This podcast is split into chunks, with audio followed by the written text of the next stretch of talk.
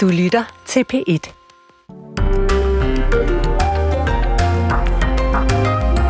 Krigen i Ukraine, reaktionerne på Donald Trumps udtalelser om, at resten af NATO-landene ikke nødvendigvis kan regne med USA, hvis han bliver præsident, ja, det fylder tungt i de internationale medier. Forsvarsministerne holdt i går møde i Bruxelles, og USA's præsident Joe Biden har kommenteret udtalelsen og øh, fik udtrykt sig meget skarpt. For God's sake, it's dumb, it's shameful, it's dangerous, it's un-American. When America gives us word, it means something. When we make a commitment, we keep it. And NATO is a sacred commitment.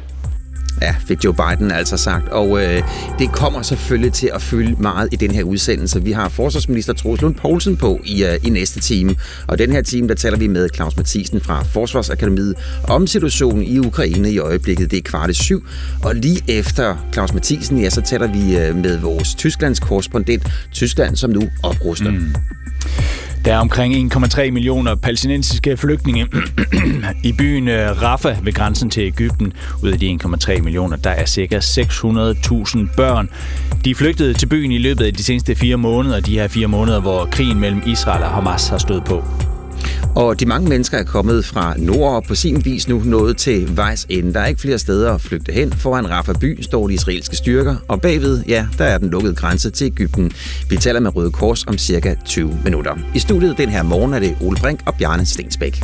Vi begynder i øh, Polen, hvor en øh, tydelig berørt pols tv-vært undskyldte i bedste sendetid til øh, det polske LGBT plus miljø. Zanim zaczniemy rozmowę, to wydaje mi się, że mm, powinno, powinny paść trzy zdania. Przez długie lata w Polsce pod adresem wielu osób padały haniebne słowa Tylko dlatego, że osoby te postanowiły... Før vi starter samtalen, synes jeg, der er tre ting, der skal siges. I mange år er der i Polen blevet brugt skændige ord over for mange folk, blot fordi de har forholdt sig til, hvem de synes, de er, hvem de elsker. LGBT plus personer er ikke en ideologi, men mennesker. De har navne, ansigter, slægtninge og venner. De mennesker bør høre ordet undskyld et sted fra. Det er ud fra det, jeg nu siger undskyld. Ja, og det var altså tv-verden Sheslak, der fik øh, sagt det her. Og den kommer undskyldning, den kommer i kølvandet på øh, Donald Tusk tiltræden, tiltræden som øh, ny polsk premierminister. Og den nye polske regering skiftede ud ledelsen på netop den her statsejede tv-kanal, og det var altså dem, der lagde sendetid til den her undskyldning. Nu, godmorgen og velkommen til dig, Anna Wirnberg. Godmorgen. Du er ekspert i, uh, i Polen, og så er du fra Koldkrigsmuseet Langelands Fortet. Hvordan er den her undskyldning af alle steder blevet modtaget i Polen? Ah, men den er gået viralt, og den er blevet nævnt i alle medier. Altså, og der er mange, der beskriver faktisk, at de har grædt, da de så ham. Og han, og han fik jo også selv tårer i øjnene, da han sagde det. Og mange har også øhm, sagt, at netop det der med, at ordet undskyld, det falder, det er så utrolig vigtigt, fordi man kunne jo godt bare også være gået videre og sagt, ah, nu skal vi videre osv., men det der med lige at få sagt det ord, Øhm, det, det, det er altså også noget, folk bider mærke i. Og hvad er det præcis, han undskylder for? Altså, hvad er det, der er tidligere blevet sagt på den her polske tv-station, TVP? TVP, det svarer jo til Danmarks Radio. Øhm, og de blev overtaget af øh, Lov- og Retfærdighedspartiet, da de gik i regering i 2015, da de fik regeringsmagten der. Og siden da, der har TVP faktisk været sådan en propagandakanal, som har lagt sig fuldstændig op af den gamle regeringslinje. Øhm, og den gamle regering øh, altså anså jo simpelthen LGBT-miljøet, LGBT-rettigheder øh, osv. for at være sådan en trussel, øh, en ideologi, der truede det polske samfund, de polske familier og sådan noget. Og det har TVP været mikrofonholder på fuldstændig. Der har aldrig været LGBT-aktivister øh, inde i studiet og blive interviewet. Til gengæld så har TVP gengivet alle de ting, der sådan er blevet sagt, og nogle af de voldsomme ting, som man sådan ser tilbage på, det er, for eksempel, da Krakows ærkebiskop på et tidspunkt øh, i kirkebønnen kaldte det en regnbuepest. Altså øh, LGBT-miljøets, øh, for, altså deres forsøg på at, at få deres rettigheder igennem. Ikke? Øhm, og han sammenlignede det med marxisme, altså med, med den kommunistiske ideologi, sammenlignede direkte. Før havde vi en rød øh, pest, og nu har vi fået en regnbuepest. Så, så var der også præsident Duda, den nuværende præsident i valgkampen i 2020, der øh, sagde han, øh, og det var en af, en af hans store ting i valgkampen der, øh, LGBT, det er ikke mennesker, det er en ideologi. Øhm, og det er også, altså, og det bliver også øh, gentaget på TVP mange gange. Og det er også noget, der, der virkelig, der virkelig satte sig, det der med, LGBT, det er ikke mennesker. Og så var altså også en af, en af de ting, som, som også var ret voldsom, var der en, en minister øh, i PIS-regeringen. Hun gik ud og lækkede oplysningerne på et øh, transkønnet barn. Og det var et barn, hvor der egentlig var taget hånd om det, både forældre og skole øh, havde besluttet, at vi, vi kalder det barn det navn, det gerne vil, og det køn, det gerne vil. Og der var ikke noget problem, og så gik hun ud og gjorde det til et problem, den der minister, og lækkede personfølger som oplysninger på øh, sociale medier. Så der har været sådan nogle ret voldsomme ting, hvor TVP bare har lagt sig i linjen og ligesom været mikrofonforholder på det her og, og gengivet det og gentaget det igen og igen. Så de har lagt sig meget, meget tæt op af den gamle regering på det her. Mm, og så ved jeg, at der også er eksempler på folk, som øh, er blevet interviewet, men som senere viser sig at være, være skuespillere. Ja, ja, det har været helt, det har været helt uh, almindeligt uh, på TVP. Altså, der, der er jo masser, der så har siddet der sådan noget fact-finding og sådan noget.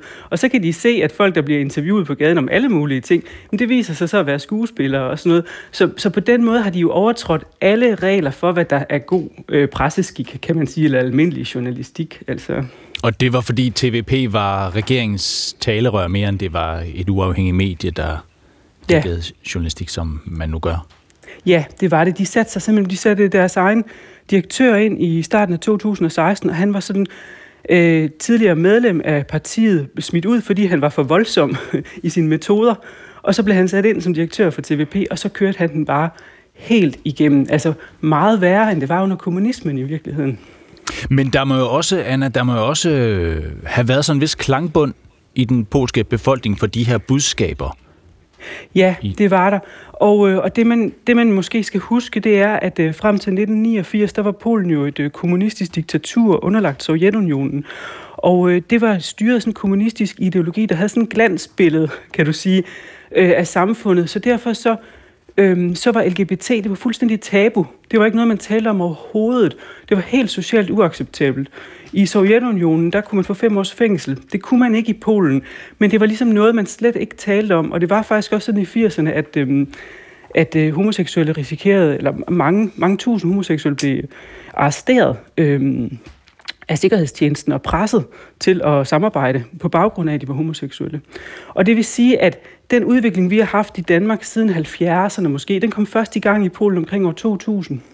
Så de har haft meget kortere tid til hvad kan man sige, om, om, om at få den udvikling i samfundet af sådan en accept mm. af, homoseksualitet og, og LGBT-rettigheder. Men, øhm, men vil det ikke også sige, at de mennesker, der altså for to år siden, hvad skal vi sige, nikkede til de budskaber, der kom fra regeringen og fra biskoppen og, og hvem det nu ellers var, øh, at, at, de, at de er der jo stadigvæk, og mener måske stadigvæk, at det er en sygdom, det her, og det er en pest? Øhm, jamen altså, der er, der er jo lavet en stor meningsmåling, og man kan se, at det har rykket sig rigtig meget. For der er blevet lavet en stor meningsmåling i 2013 og i 2023, og bare på de år har, har samfundet rykket sig utrolig meget. Og man kunne også se nu her i øhm, valgkampen, øh, her i efteråret, at det var faktisk første gang, hvor Lov- Retfærdighedspartiet ikke kørte på LGBT, fordi det kan ikke rigtig længere betale sig for dem, i hvert fald deres egen analyse, fordi det polske samfund faktisk har rykket sig rigtig meget. Mm. Og i, i min optik, der stod de store kampe faktisk i nullerne. Øhm, altså, og, og det var jo også der, lov retfærdigt kom til magten første gang i, i 2005, og så igen i 2015. Og det, og det var der, det her emne var rigtig stort. Øh, nu er det næsten ved at være lidt allerede øh, passé, kan man sige, eller, mm. eller samfundet har rykket sig så meget. Ja. Og vi ved jo, hvor, hvor stærk den katolske kirke er i Polen. Hvordan de reagerede på den her undskyldning? Øhm, jeg har ikke set præcis, hvad den katolske kirke gjort, men jeg ved, at den katolske kirke selv begynder at... Altså, der er, der er dalende opbakning også til den katolske kirke i Polen. Men de har jo kørt en meget, meget hård linje hele vejen igennem. Øhm, og og, og det, er, det er de meget konservative præster, som sidder på linjen i den katolske kirke, så den vil de sandsynligvis køre videre. Mm. Tak, for, tak for det her, Anna Wienberg. Selv tak. Og du er altså Polen-ekspert, forskningsmedarbejder ved Kolding, eller undskyld, Koldkrigsmuseet Langelands Fortet. Og sådan blev klokken kvart over seks. Borup-sagen, altså øh, sagen fra øh, Borup skole i Køge Kommune, hvor øh, nogle børn har krænket andre børn, har fyldt massivt i offentligheden den, den seneste lille uges tid. I medierne har det fyldt, blandt politikerne har det fyldt, på sociale medier har det fyldt. Og det kan være brutalt for børnene, der går på skolen. Det siger Eva Fogh Nord, der er digital pædagog og ekspert i børn og unge og deres sociale fællesskaber. Lige nu, der er øh, alt det, der sker, det er jo et fuldstændig brud med den hverdag, de her børn har. De er jo gået fra at gå på en skole, hvor der for nogen måske ikke virkede, som om der var problemer, mens andre havde idé om, at der var de her krænkelser, til lige pludselig at blive mødt af forældre, der græder åbent for åben skærm, fordi de er så frustrerede, og øh, medier alle steder.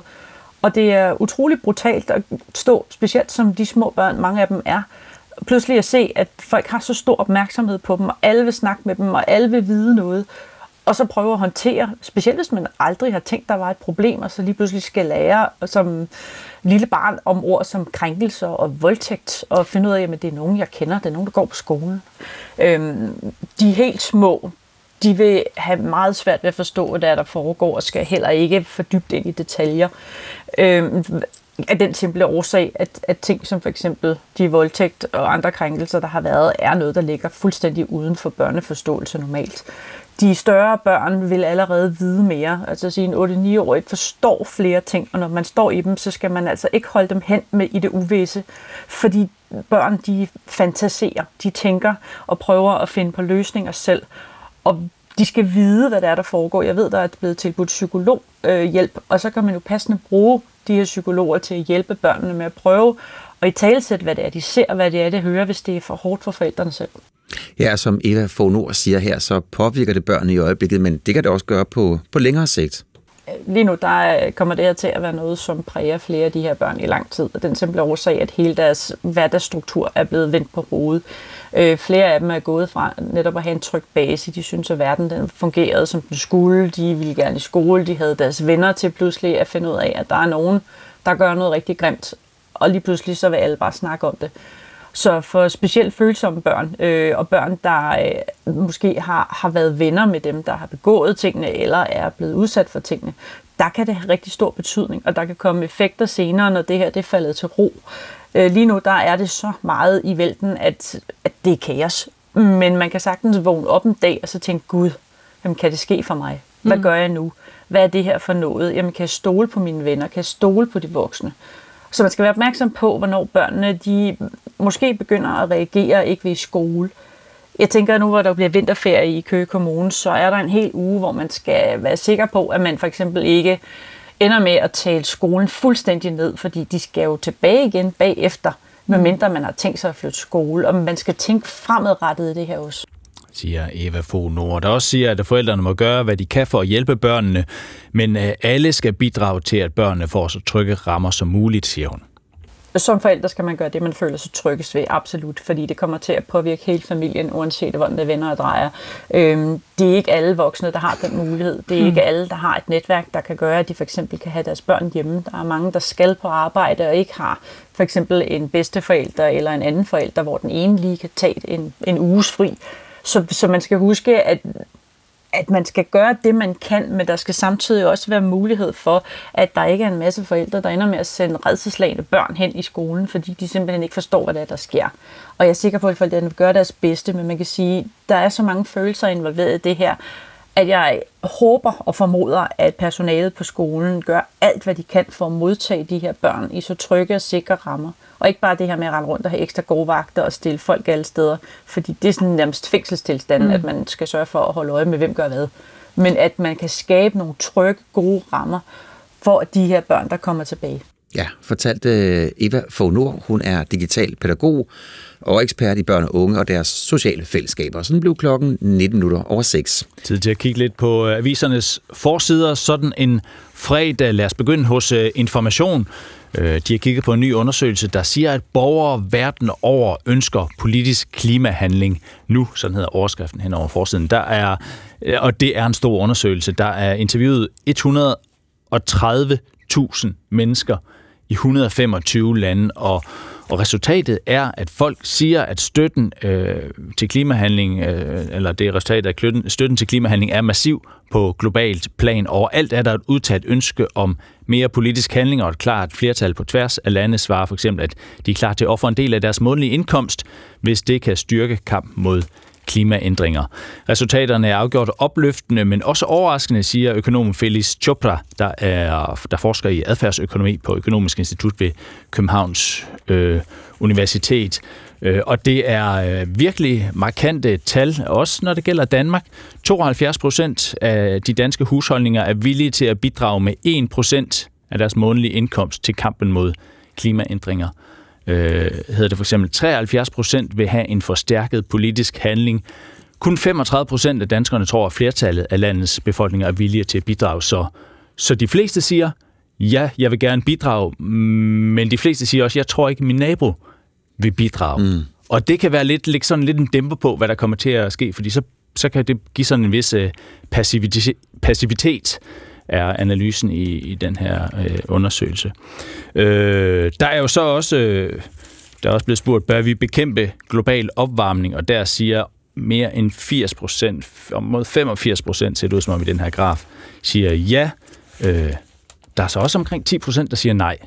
Ja. Og det kan man så også øh, notere sig. Men spørgsmålet er jo så, hvad, hvad folk så er villige til at gøre, men det får vi jo syn for i den her måned, for der kommer jo ekspert ekspert ja. øh, vurdering af, hvordan man indretter en CO2-afgift på ja. landbruget. Og det betyder ja. jo, at så kommer man jo til at, at mærke noget, ikke bare landmændene, men også, også forbrugere, eksempelvis muligvis dyre oksekød. Ja, men altså 72 procent i Danmark siger, at de er villige til at bidrage med 1 procent af den månedlige indkomst. Interessant. Det at bekæmpe global opvarmning. Jeg har fået fat i uh, politikken, forsiden af politikken, og det er et lidt en usædvanlig historie, fordi det er en ny uh, sikkerhedsvurdering fra Forsvars efterretningstjeneste. De kommer jo en gang om året, men nu, og de kom med en tilbage i december måned, nu er de kun to måneder efter kommet med en ny vurdering. Mm.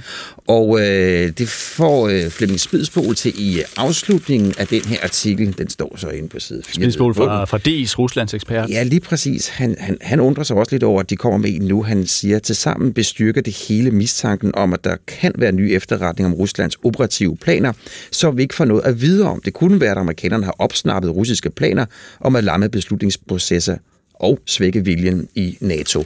I den her sikkerhedsvurdering fra Forsvars efterretningstjeneste, ja, der står der, at... Øh, at det betegnes som sandsynligt, at Rusland i løbet af to til fem år vil kunne genopbygge militær styrker, der vil kunne udgøre en uh, troværdig militær trussel mod de baltiske lande. Mm. Og det er Anja Dalgaard Nielsen, der er chef for uh, efterretning af Forsvars efterretningstjeneste, der bliver interviewet i den her. Og hun bliver så spurgt, hvor bange skal vi være? Så svarer hun, vi skal ikke være bange, men vi skal tage Rusland alvorligt. Det skal vi, fordi Rusland er en revisionistisk magt, der ønsker at lave om på den sikkerhedspolitik, vi ser i, øh, i Europa.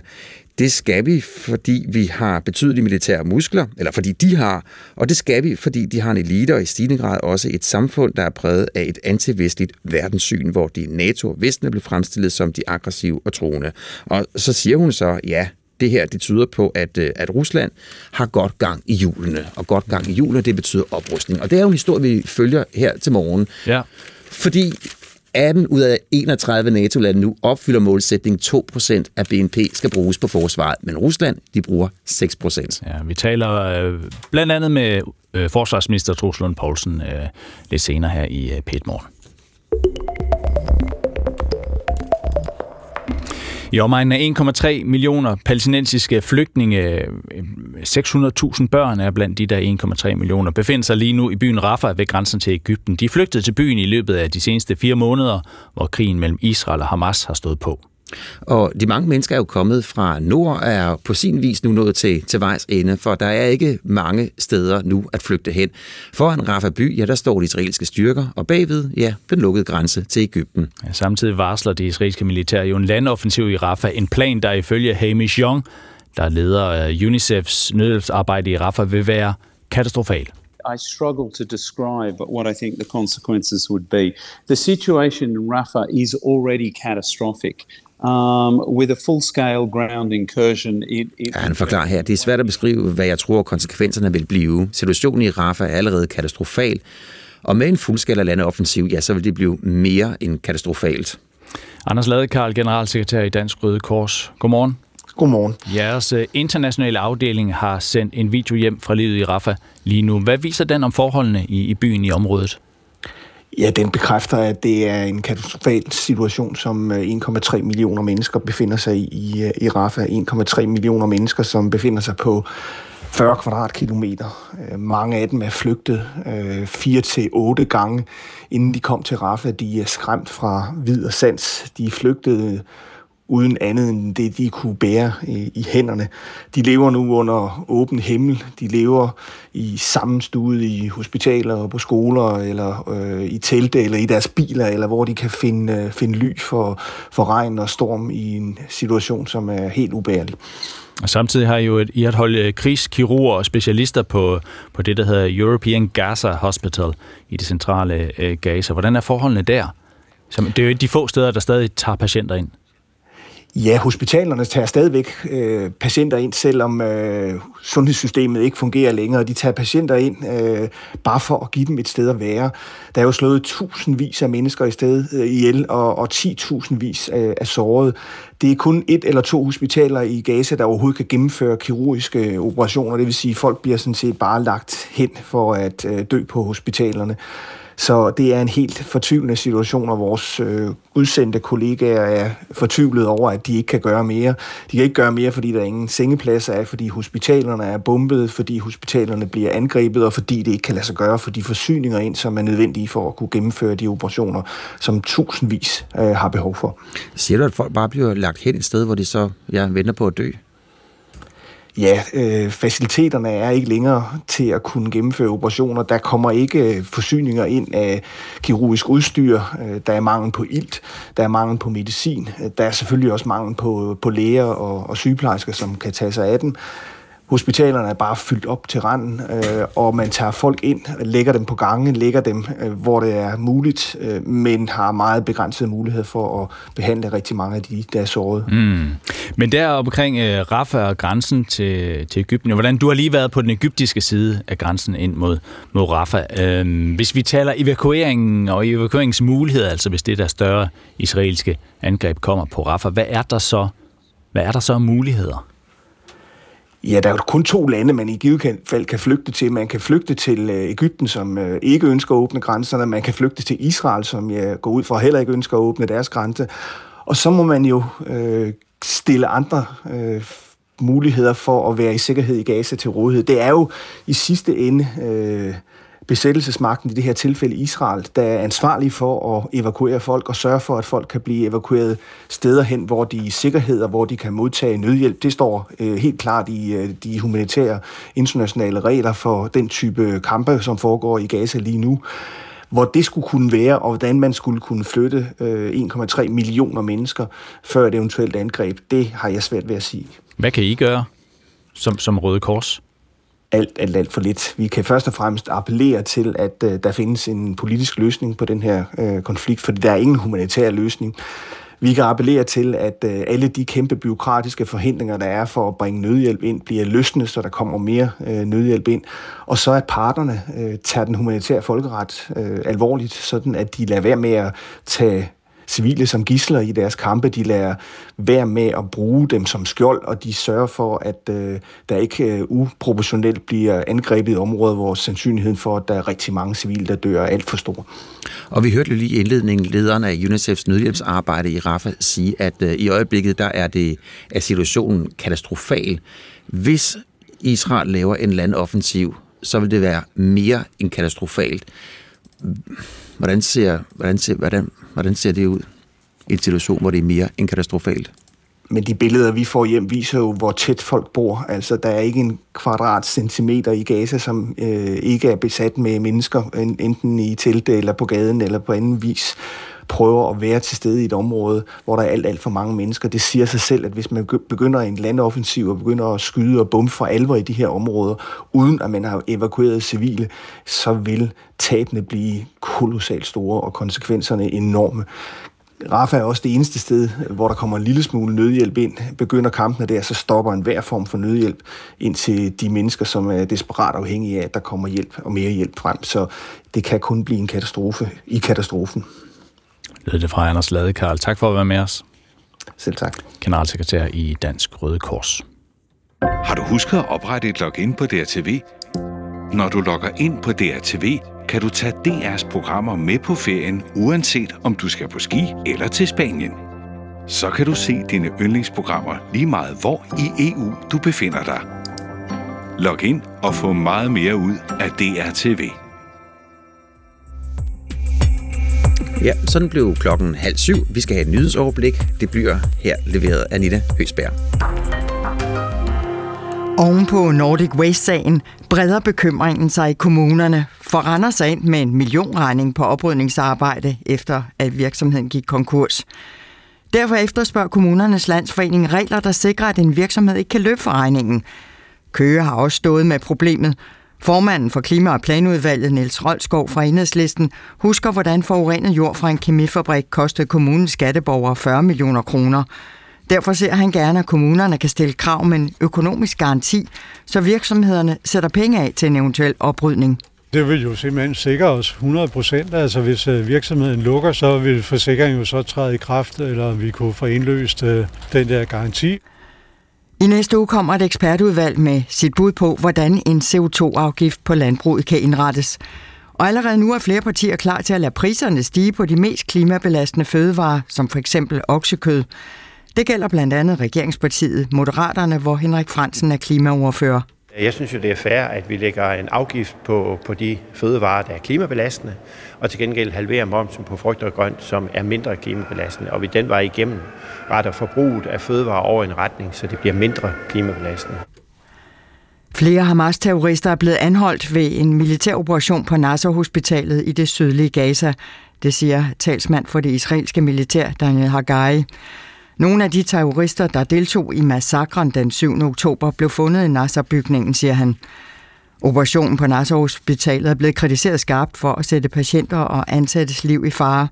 Men ifølge talsmanden blev den gennemført, fordi man havde efterretninger om, at Hamas-medlemmer opholdt sig på hospitalet. Det er tåget nogle steder, og det bliver skyet og diset med regn af og til.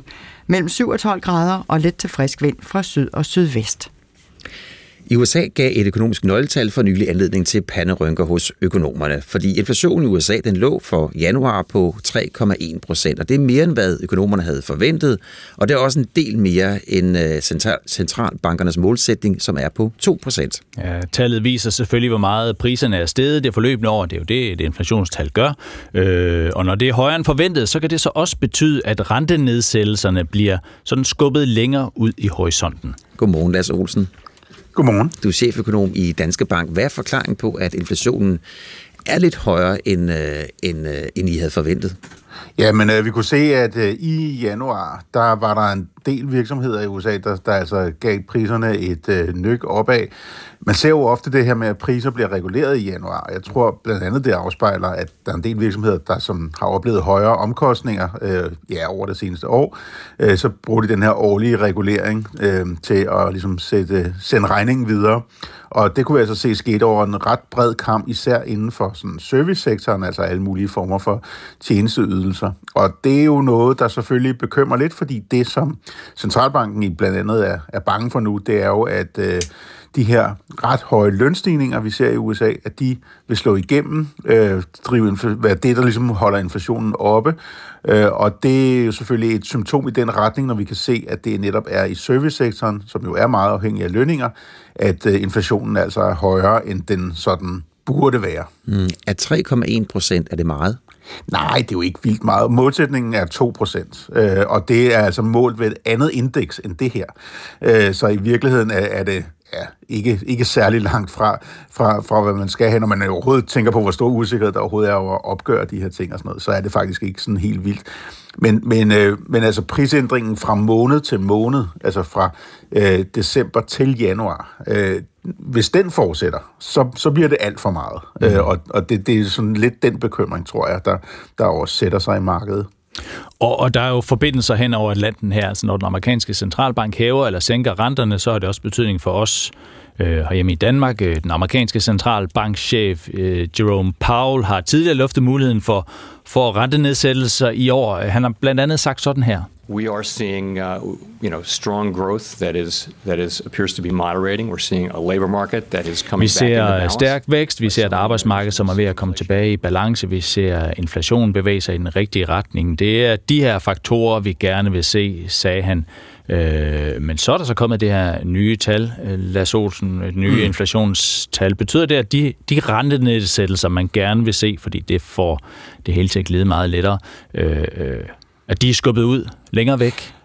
Altså øh, sammen med de andre nøgletal, der også er kommet på det sidste, der også har været stærkere end forventet, altså også for hvordan økonomien har det og beskæftigelsen og sådan nogle ting, øhm, så, så har det jo helt klart dæmpet forventningerne til, hvor mange rentenedsættelser, der når at komme i år. Det er jo stadigvæk helt klart forventningen, at der kommer rentenedsættelser i år. Øhm, og det er det jo simpelthen, fordi renteniveauet er så højt. Altså det, øh, det er et unormalt øh, højt renteniveau af som de fleste vurderer det i hvert fald, som vi har i øjeblikket. Man kan sige, lige nu træder øh, centralbanken altså hårdt på bremsen i, øh, i forsøget på at ligesom dæmpe øh, aktiviteten. Man kan godt stadigvæk træde på bremsen, men måske lidt, lidt mindre hårdt, og det er jo det, det svarer til, hvis man begynder at sætte renten lidt ned. Så det, så det er forventningen, at det kommer. Det tror jeg også på, det gør. Men det er klart, at, øh, at forventningen til, hvor meget det sker i løbet af i år, den, den er aftaget. Og der, der, de var også meget aggressive, de forventninger, hvis man går en måned eller to tilbage. Øhm, og nu øh, er forventningen så, at renten vil blive sat ned måske en 3-4 gange, i stedet for en 5-6 gange i, i løbet af i år. Og det mener jeg i og for sig er meget realistisk. Ja, så en, en, en, ja, den, den bliver sat ned, men vi må lige øh, vi må have dig til at blive lidt mere konkret, altså hvor, ja. hvor, hvor, hvor store rentesækninger taler vi om? Jamen altså, noget i størrelsesorden et procentpoints øh, lavere rente i USA, når vi når hen mod slutningen af året. Og det vil jo stadigvæk sige en rente over 4 procent, så det er jo stadigvæk højt. Øhm, og det er jo netop, fordi der faktisk er så meget gang i den. Jeg tror, de fleste, inklusive mig selv i hvert fald, er der blevet stærkt overrasket over, at den amerikanske økonomi ligesom ikke er blevet mere afdæmpet af at få så store renteforhøjelser øh, på sig, som, som den har fået øh, her over de sidste par år. Øh, og det betyder jo selvfølgelig også, at potentialet for, hvor hurtigt de skal ned, det, den er lavere. Men altså, at de skal ned, det, det, det mener jeg nu altså stadigvæk er, er klart det mest sandsynlige. Og det mener jeg altså faktisk også jo øh, i Europa og, og Danmark. Mm, det er, fordi en ting, det er så USA, noget andet, det er Europa. Forventer du også, at Europa så vil følge amerikanerne og sætte renten mm, Ja, markant altså, ned? Ja, markant og markant, men i hvert fald øh, sådan lidt i samme størrelsesorden, måske lige knap så meget.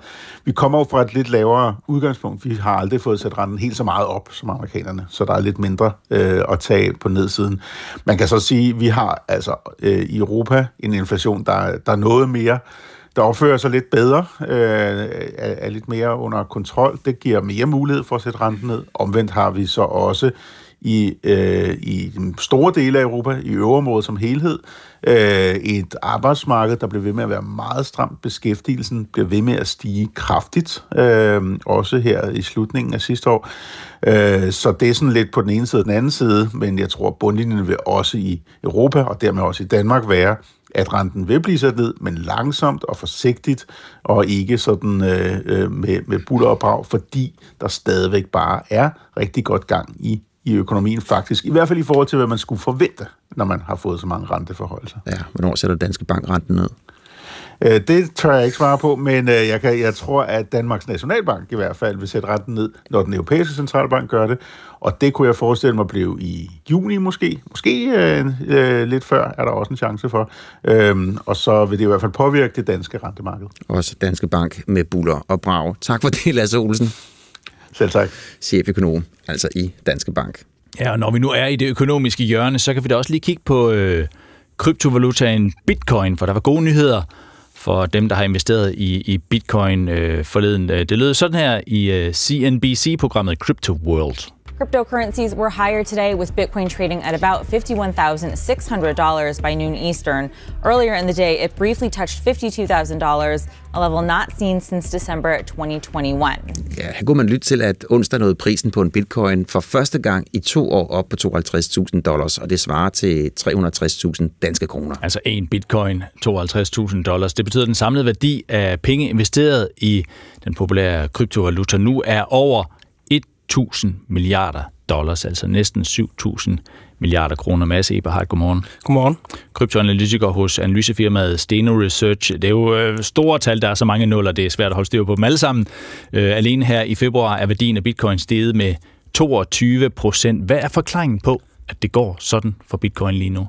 Så den umiddelbart den enkeltstående årsag til, at det går så godt, var, at vi så SEC, de amerikanske børsmyndigheder, tilbage i januar godkende de første Bitcoin Spot ETF'er. Så det er altså ETF'er, som man kender det, og som ligger med almindelige bitcoins. Okay, der må du, altså- der, jeg stopper lige her. ETF'er, som man kender det, hvad er det ja. så? Så det er Exchange Traded Funds. Så det kan for eksempel, en ETF kan være øh, baseret på 500 forskellige aktier som man nemt som investorer kan købe ind i fra sin almindelige aktiesparekonto. Så det her er egentlig den samme fond, men de ligger ikke med 500 aktier, men derimod bare bitcoins. Mm. Og det har gjort det rigtig nemt for mere traditionelle investorer at købe eller få øh, exposure til bitcoins. Okay, så der er en, en gruppe af investorer, store investorer, der nu har fået øje på det, og hvor det er lettere for dem at gå ind og investere i bitcoins. Præcis, fordi førhen så skulle de ind på en kryptobørs, og som vi ved med, med kryptobørser, så har de ikke altid haft øh, rent mel i posen. Så det har været en masse risici forbundet med det, men også har det også bare været besværligt for dem. For eksempel hvis man var en øh, finansiel rådgiver, at man så lige pludselig skulle ind på en, en kryptobørs og ind i det mm. regulatoriske miljø, som man ikke kender. Nu kan man derimod gøre det meget, meget om, omkostningseffektivt direkte igennem ens almindelige aktiekonto. Er der også forbindelser? Nu havde vi lige en snak om øh, øh, renteniveauet og inflationen og sådan. Hænger det også sammen med, hvordan det går bitcoin? Det har det helt sikkert. Markedet forventer jo nu, at vi ser rentenedsætninger både i USA, men også i Europa i år. Og det gør jo, at investorerne bliver mere risikovillige, og deraf så begynder at købe øh, aktiver, som for eksempel bitcoins eller Ethereum, som er mere risiko. Mm. Øh, yes. Men hvad er det egentlig, Mads, man køber, når man køber en bitcoin? Så en bitcoin er jo bare en bitcoin er en lille del af et, et stort netværk, et stort decentraliseret netværk det, som det narrativ omkring bitcoin især er, er det digitale guld. Så vi ved, at der maksimalt kan eksistere 21 millioner bitcoins. Lige pt. eksisterer der omkring 19,6 millioner bitcoins. Så det er den her scarcity, altså noget, vi ved, der ikke kan eksistere mere end 21 millioner af, mm. som lidt at investorerne ser som en hedge mod inflation, mod krig, mod andre øh, ting, som der er svære at forudse.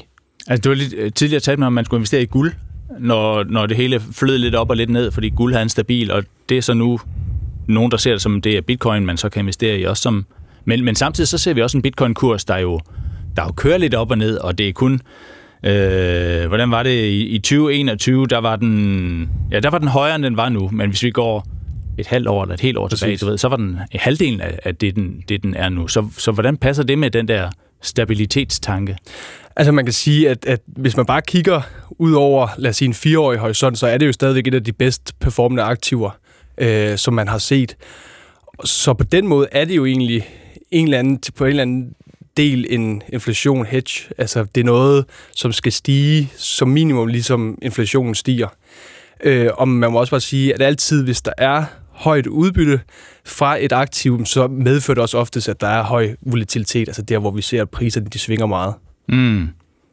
Altså, da vi begyndte at tale om bitcoins, øh, der blev også talt om, om man skulle forberede sig om en fremtid, hvor, hvor vi alle sammen gik og betalte en lille smule med bitcoins, og måske når vi var nede at handle også. Og sådan. Er, er det den vej, det går? Er det, er det den fremtid, du ser i dag, eller hvor er den henne? Altså, jeg ser den helt bestemt inden for kryptomarkedet. Knap så meget bitcoin, fordi bitcoin er som sådan ikke en valuta, bliver det sandsynligvis ikke, fordi især et, volatiliteten er for høj, altså det vil sige, priserne svinger for meget til, at det er en mm. brugbar valuta. Samtidig så har Bitcoin også skaleringsvanskeligheder, så det vil sige, netværket kan kun klare omkring syv transaktioner per sekund.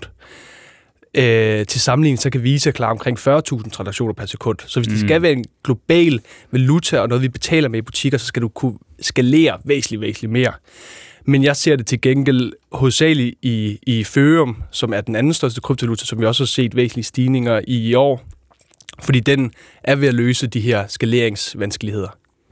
Så det kan godt være, at der bliver en eller anden slags kryptovaluta, som vi kommer til at gå rundt og betale med, men det bliver så ikke bitcoin, det bliver en af, en af de andre, du, øh, du det gør det helt der. sikkert. Ja. Øh, den er jo blevet erklæret død flere gange også, og det er også gået op og ned, som, som, som vi fik nævnt. Øh, når du kigger på tallene nu, er du sikker på, at den, den ikke på et eller andet tidspunkt falder fra hinanden? Altså jeg vil sige, jeg har hørt, at det hele kryptomarkedet det falder fra hinanden, siden jeg var 15 år. Øh, og det er ikke sket endnu, og det kommer heller ikke til at ske. Hvorfor ikke? Fordi det er den mest... Øh, det er den, altså suverænt den bedste aktivklasse, man kan finde. Forstået hvordan? Jeg tror bare, at, at det, er en, det er jo et decentraliseret øh, valutaer eller netværk. Øh, og i en tid med, med usikkerheder og, og meget andet, øh, så er det bare... Det, det er... Ja, det, det er meget længere snak med det. ja, men det kræver i hvert fald, at, at vi og alle og investorerne stoler på, at det, det er her, korrekt. det holder. Og det er virkelig, og der sidder ikke nogen fuskere ude bagved et eller andet sted. Ja, og det må man så også bare sige, at, at, at det er også, jeg, jeg tror, at, at vi står inden for, øh, inden for nogle rigtig gode år i kryptoverdenen, også at vi, vi, vi ser, at det regulatoriske er ved at komme på plads. Så for eksempel EU's øh, MiCA-forordning, som kommer nu her øh, med fuld implementering i slutningen af året, som også giver nogle retningslinjer for for eksempel øh, kryptobørser mm. og, og også i særdeleshed banker, som kan begynde at operere i det her marked. Så du tror på det, Mads? Det gør jeg. Det er noteret. Mads Eberhardt, tak for besøget. Kryptoanalytiker hos analysefirmaet Steno Research. Kvart i syv.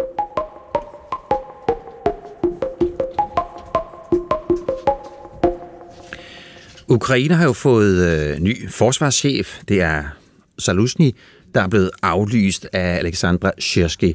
Og Shirsky er kommet med øh, sin første udtalelse, og den går sådan her. Fjenden støder frem langs næsten hele frontlinjen, og vi er overgået fra offensive operationer til en defensiv operation. Og det er et svært tidspunkt, han øh, tager den på. Øh, det er et presset tidspunkt, han har overtaget ansvaret for det ukrainske militær. I går lød det fra talsmanden øh, John Kirby fra det Hvide Hus i Washington, at den, u- den ukrainske hær mangler ammunition, og derfor er øh, der er risiko for, at byen Avdivka i Øst-Ukraine falder, altså at russerne overtager den. Ja, så hvad kan en ny mand gøre for at ændre på krigslykken i Ukraine? Godmorgen, Claus Mathisen.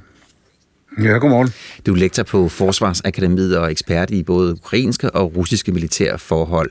Ja, hvad, kan en, øh, hvad forskel kan en, øh, en ny mand gøre, når militæret mangler krudt og kugler? Ja, som I selv sagde i indledningen, så er det jo en ganske vanskelig opgave, øhm, han her står overfor. Øh, det er ganske rigtigt både, at øhm, der er mangler på den ukrainske side i forhold til materiel og mandskab og ammunition.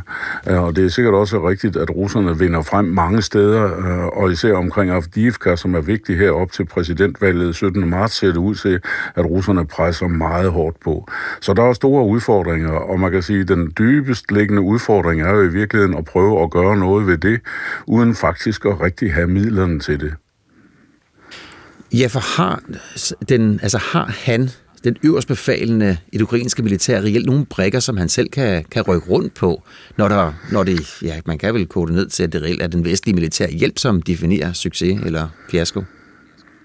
Ja, øh, det er det ikke udelukkende, fordi det handler også et eller andet sted om den måde, man øh, kæmper på, og at man træffer de rigtige beslutninger på de rigtige tidspunkter. En af de ting, der for eksempel kan være vigtigt, det er i forhold til øh, Avdiivka, som I nævnte før, at øh, når man så må sige beslutte sig for, hvornår det er blevet for dyrt, fordi, øh, for, netop fordi Ukraine mangler mandskab og mangler materiel, jamen så er det vigtigt ikke at blive ved med at prøve at slide russernes ressourcer ned, samtidig med at man selv mister for meget. Så der er nogle vigtige ting, man ligesom skal forholde sig til, øh, som er anderledes, end hvis bare man havde uendelige ressourcer at, at hælde i. Og så kan der også være noget om måden, man kæmper på. Det har været diskuteret meget i hvilket omfang ukrainerne er i stand til at, som vi siger, neddelegere ansvaret, altså sørge for, at førerne af enhederne på lavere niveauer har en ramme inden for hvilken de skal løse opgaven, og så kan de jo selv beslutte, hvordan de vil løse den i forhold til de foreliggende omstændigheder. Øh, det, man kalder mission command med sådan et, et, et amerikansk ord. Og det er noget af det, vi ved, at Sirski til synlædende er indstillet på, måske i større grad end Zaluzny var. Og det er et af de redskaber, han kan bruge. Om det kan give ham stor succes, det er svært at sige, men det er i hvert fald en af de muligheder, han har. Og så kan han presse på for at få den her mobilisering sat i gang, fordi uden ekstra mandskab, der øh, kommer det til at knibe. Det er så til gengæld Zelensky, opgave at sørge for politisk at blive ved med at tale med dem, der støtter Ukraine, så der også kommer det materiel, der skal til.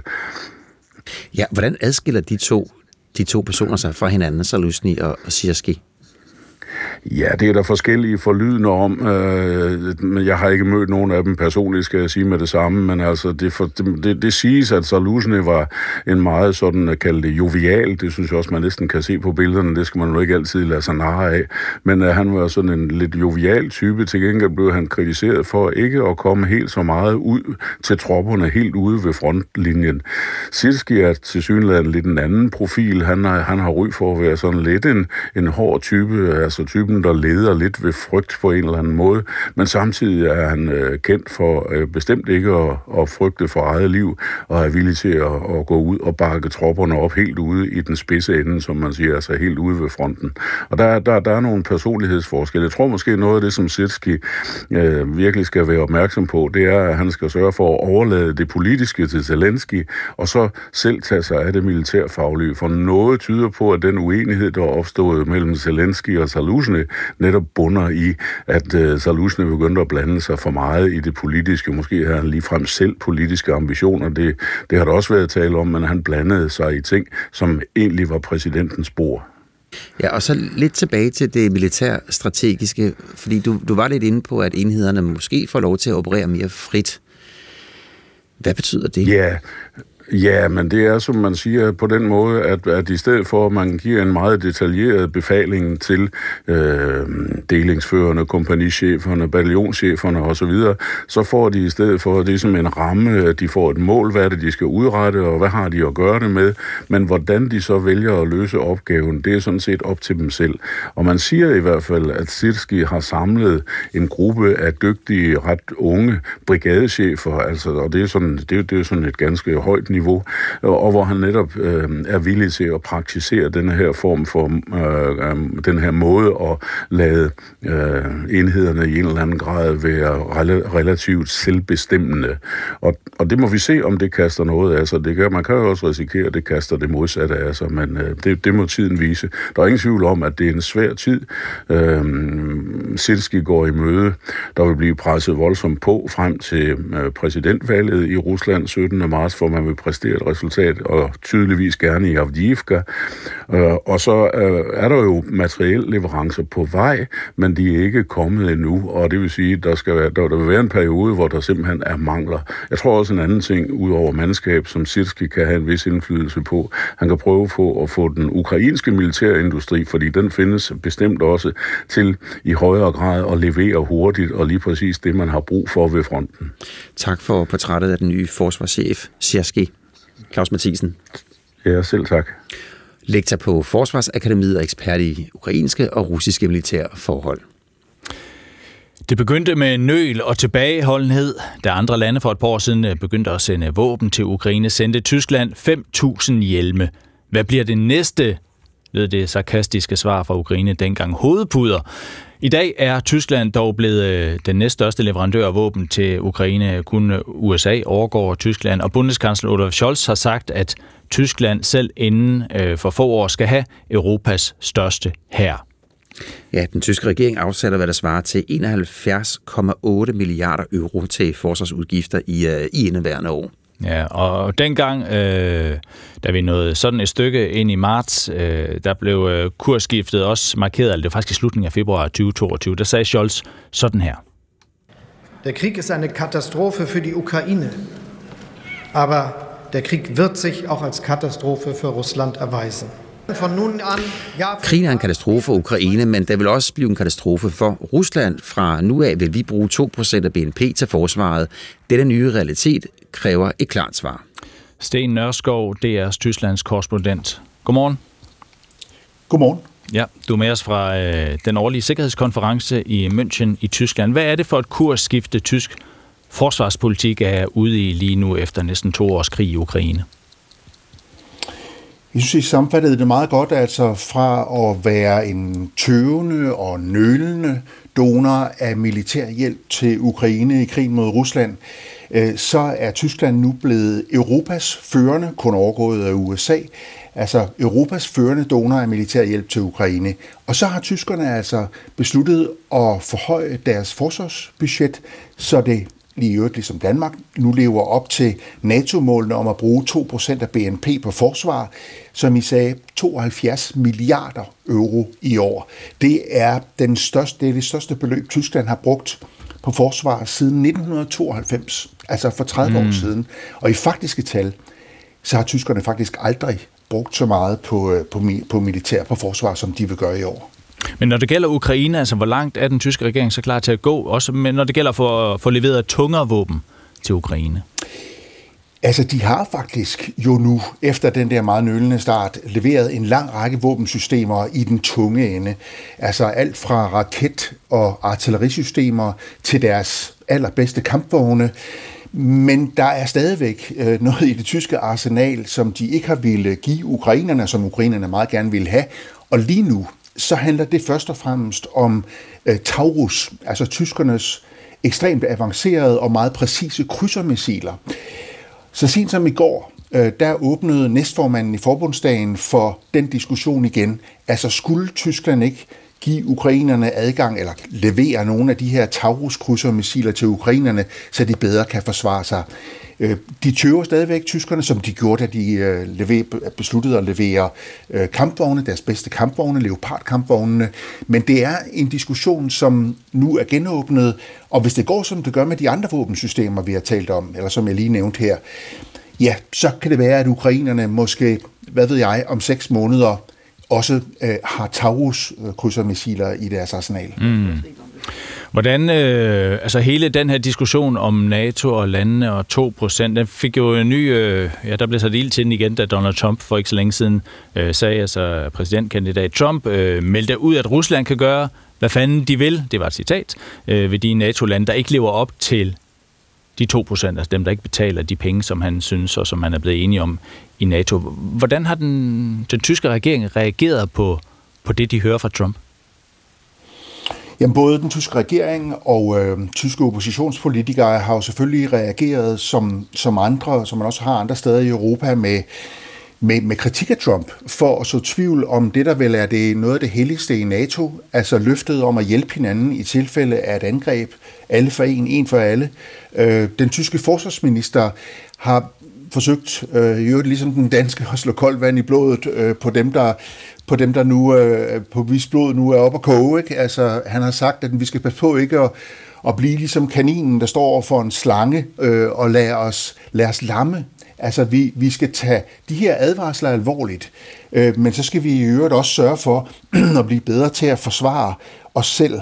Men det har sat, som du siger, det har sat øh, ild i, i debatten, øh, også i Tyskland. Altså den, den socialdemokratiske spidskandidat til Europaparlamentsvalget, Katarina Barley, har åbnet en, en, i hvert fald i Tyskland, ekstremt følsom debat om atomvåben. Hun har sagt, måske skal vi til at overveje, om EU burde have atomvåben.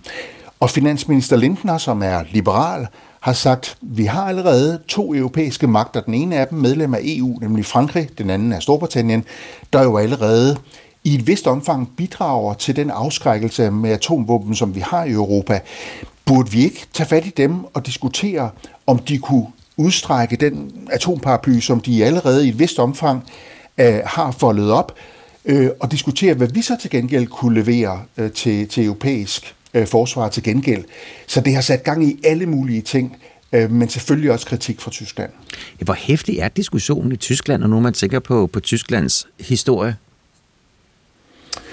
Det er klart. Altså det, tysk, det, det, det hører med hver gang, øh, og det gør det jo også, når, øh, når tyskerne øh, har besluttet at opruste, som de gør, når den tyske forsvarsminister siger, at vi er nødt til at bruge flere penge på forsvar, fordi Tyskland er nødt til at blive krigsdueligt.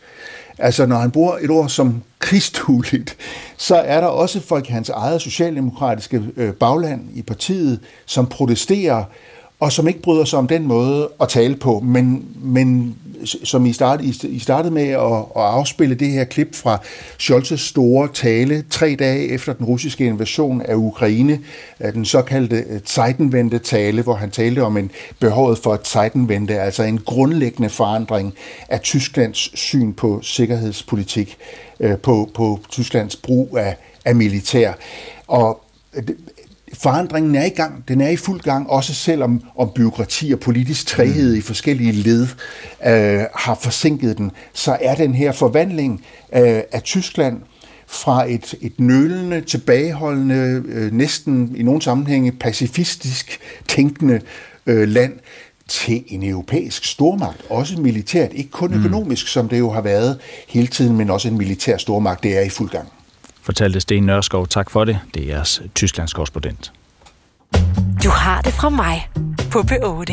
Oscar Pittiford, historisk figur, som i sin tid tilbage i 40'erne var med til at sætte ild i New York, da han var omkring bebop-miljøet, som gav jazzen et helt nyt, himmelfarende sprog. Naja Budic anbefaler musik fra samlingen og rammer dig med alt det bedste. Og tjek lige ud, hvem jeg faldt over og faldt for igen.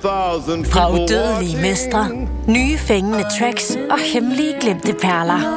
Og du må gerne sige, du har det for mig. Hver lørdag med Naja Buric 16-18 på P8 i DR Lyd.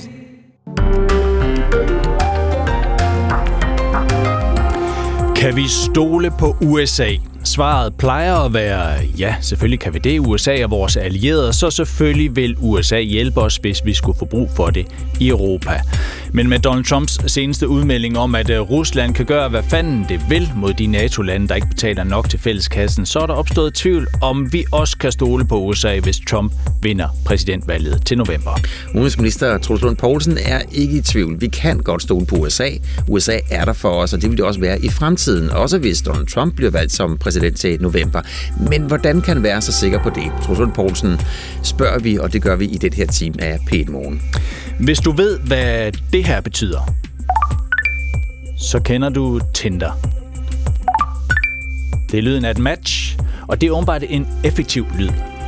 I hvert fald sagsøger en gruppe brugere nu selskabet Bagtender og andre dating-apps for at være det, de kalder for afhængighedsskabende. Mere om det cirka om et kvarters tid i studiet den her morgen. Ole Brink og Bjarne Stensbæk, velkommen. Vi har i dag været til møde med Køge Kommune, og vi står rystet tilbage. Sådan skriver en gruppe forældre fra Borup Skole i et brev til børne- og undervisningsminister Mathias Tesfaye.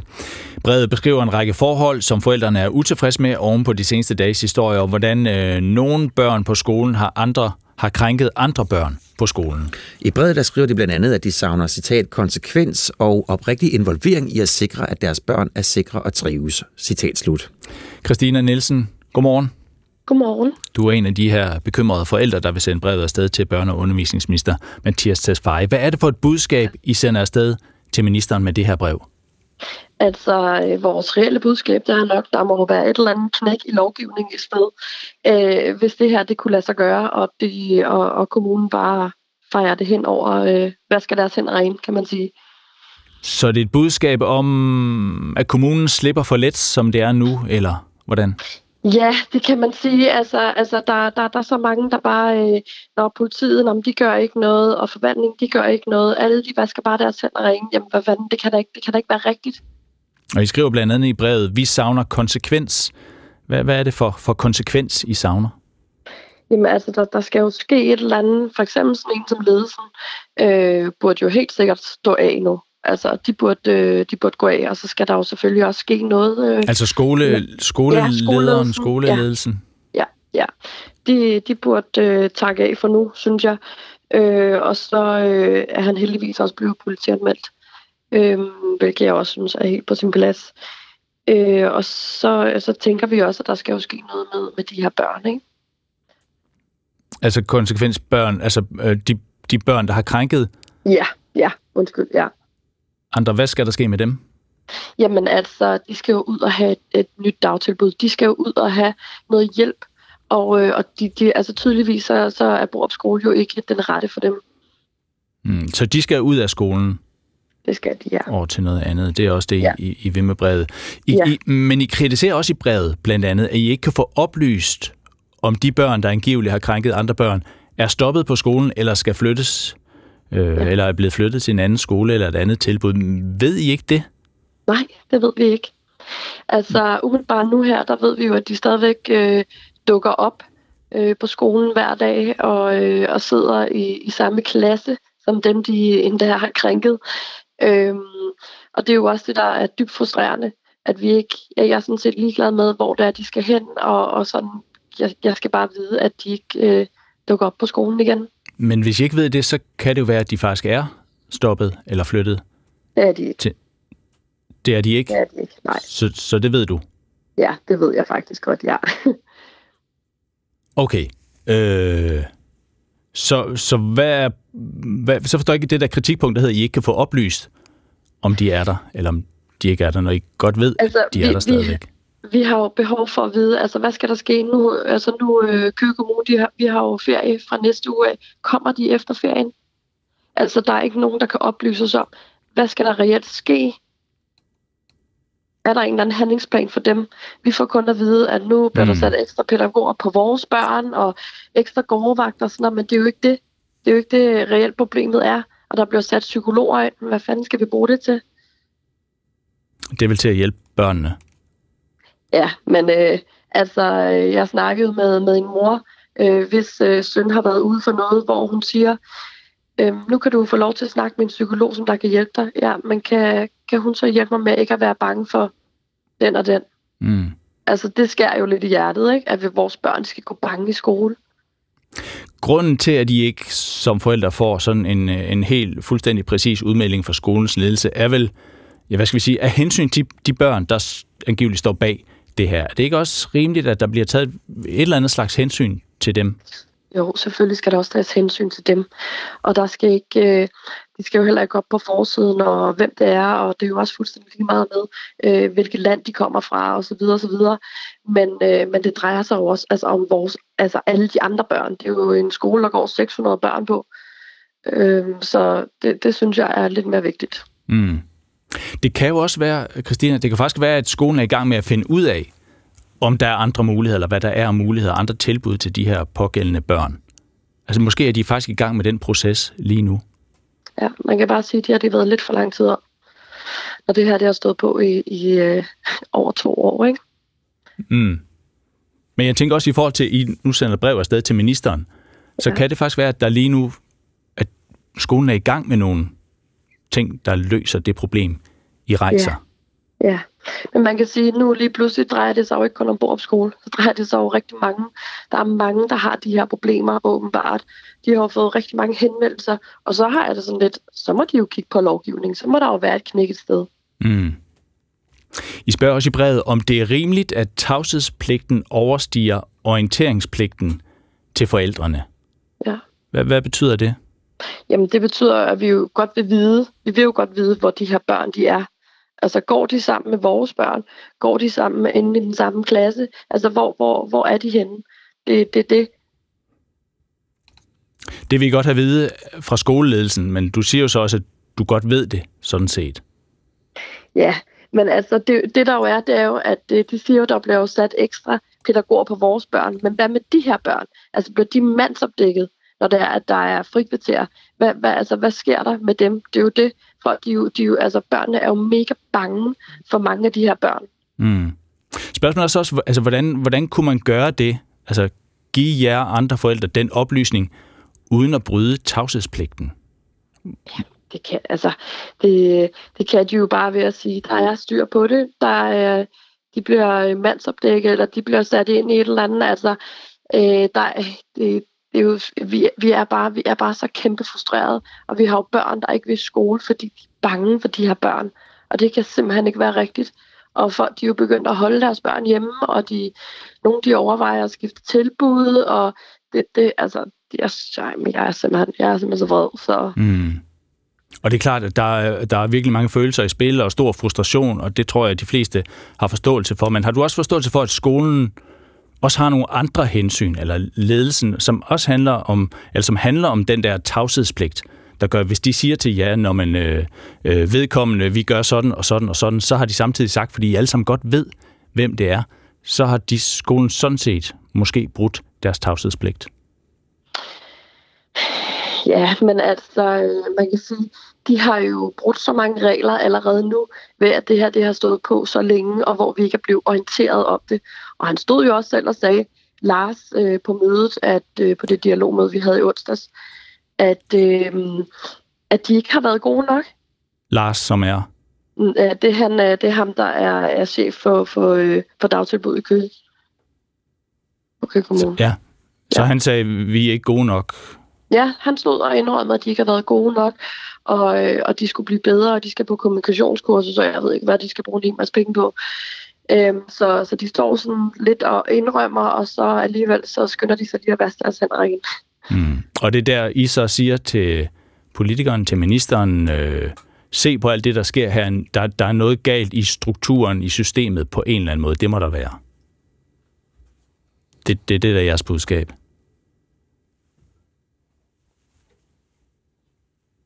Jeg skal lige høre, jeg tror, at Bjarne, kunne du komme til at lukke for Christina? Gider du skrue op for hende igen?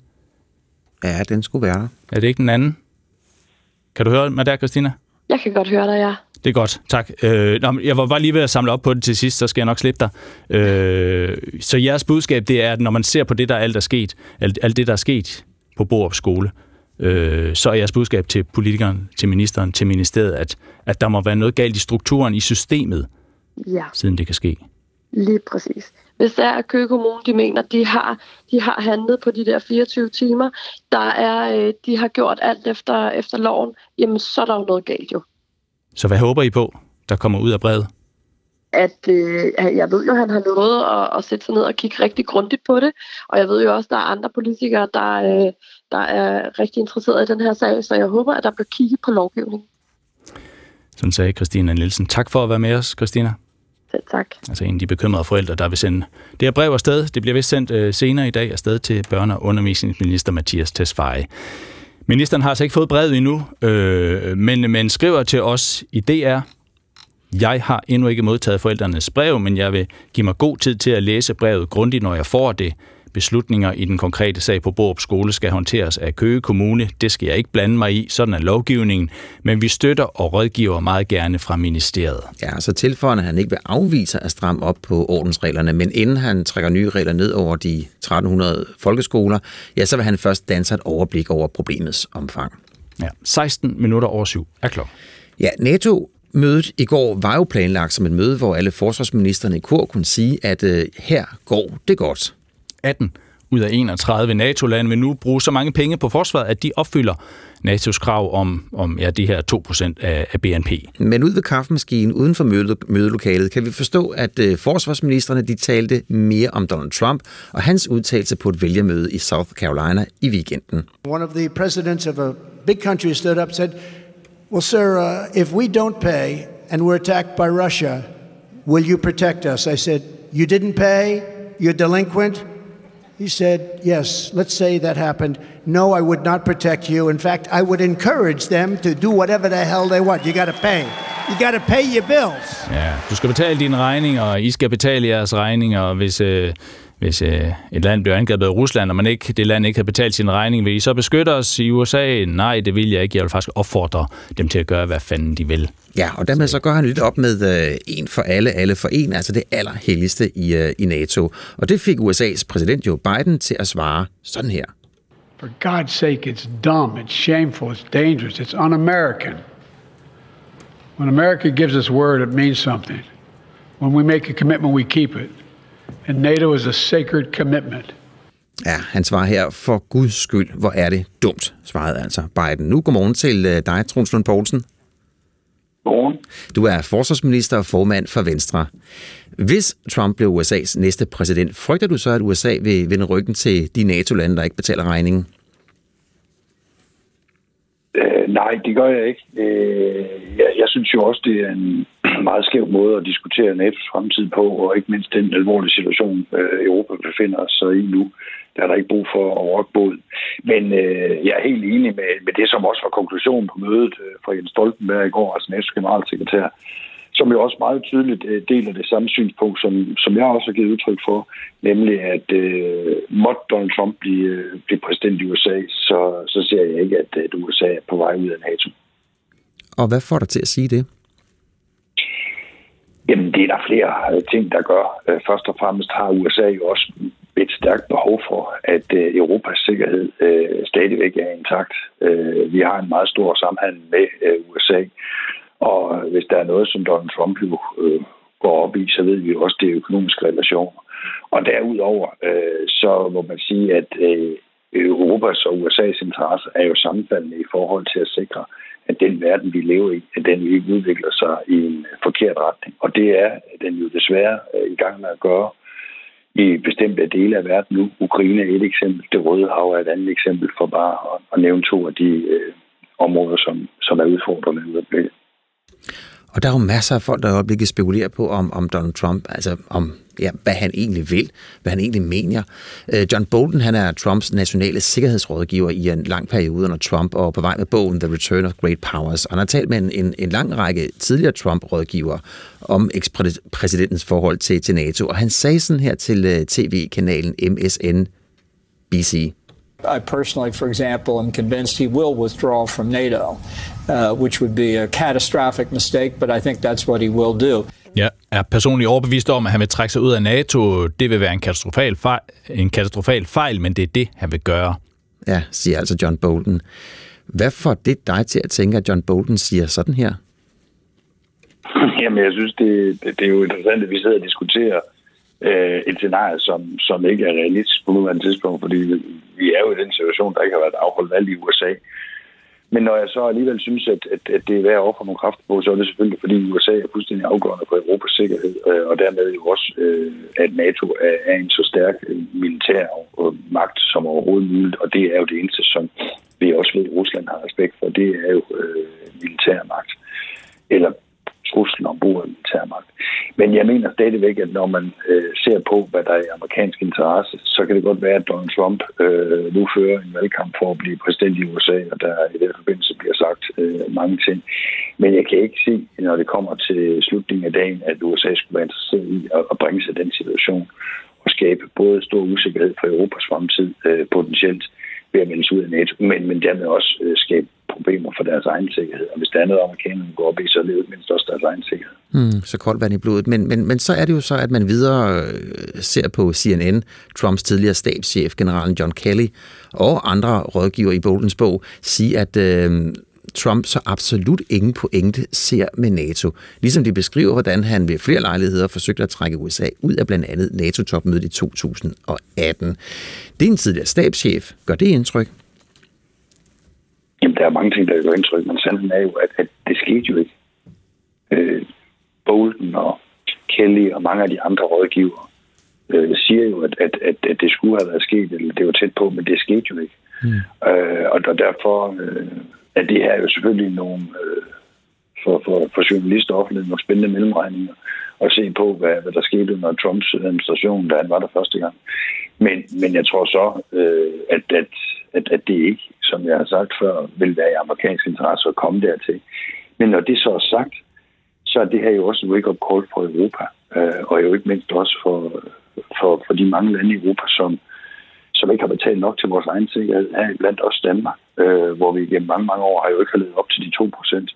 Og det, som jo går igen i meget af det, som Trump også har sagt til, det er jo, øh, at han, øh, og det har andre amerikanske præsidenter for den til skyld også sagt, Joe Biden, inklusive ham, den nuværende præsident, det er, at man bliver nødt til at betale øh, de 2 procent for at sikre, at øh, der er en større solidaritet i, i NATO-kredsen, som det ikke er i USA der primært betaler den største regning for at sikre vores, vores sikkerhed her i Europa. Hmm.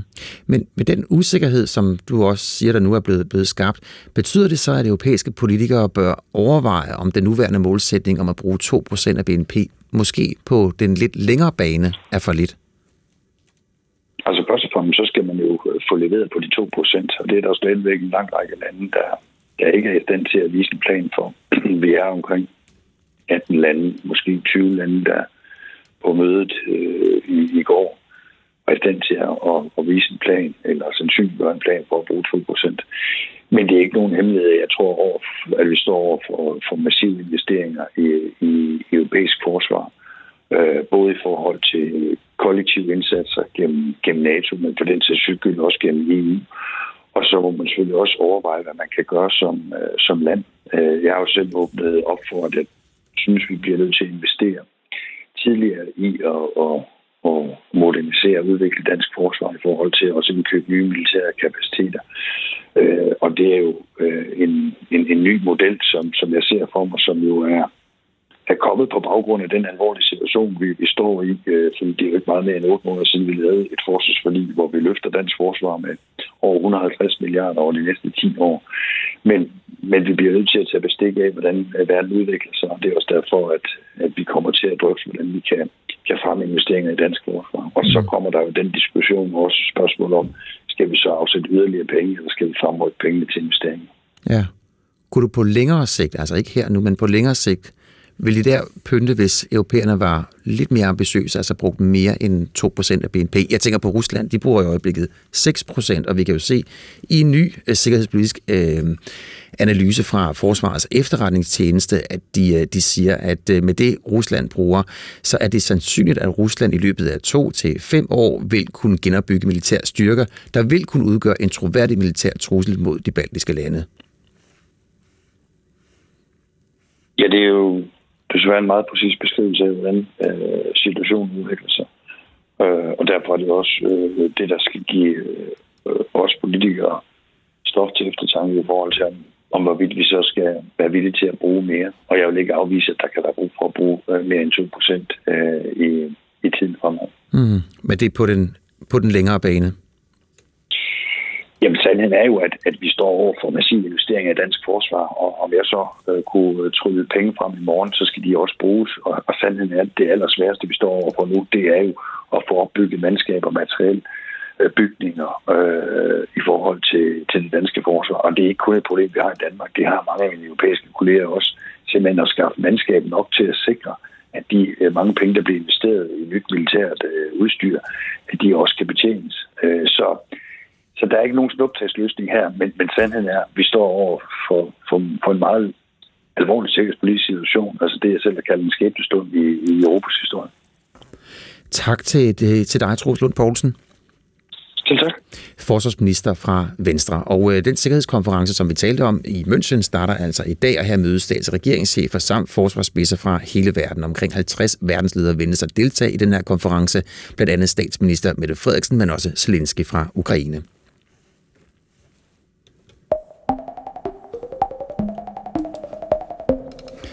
Hvis du kender øh, den her lille lyd, det her lille pling,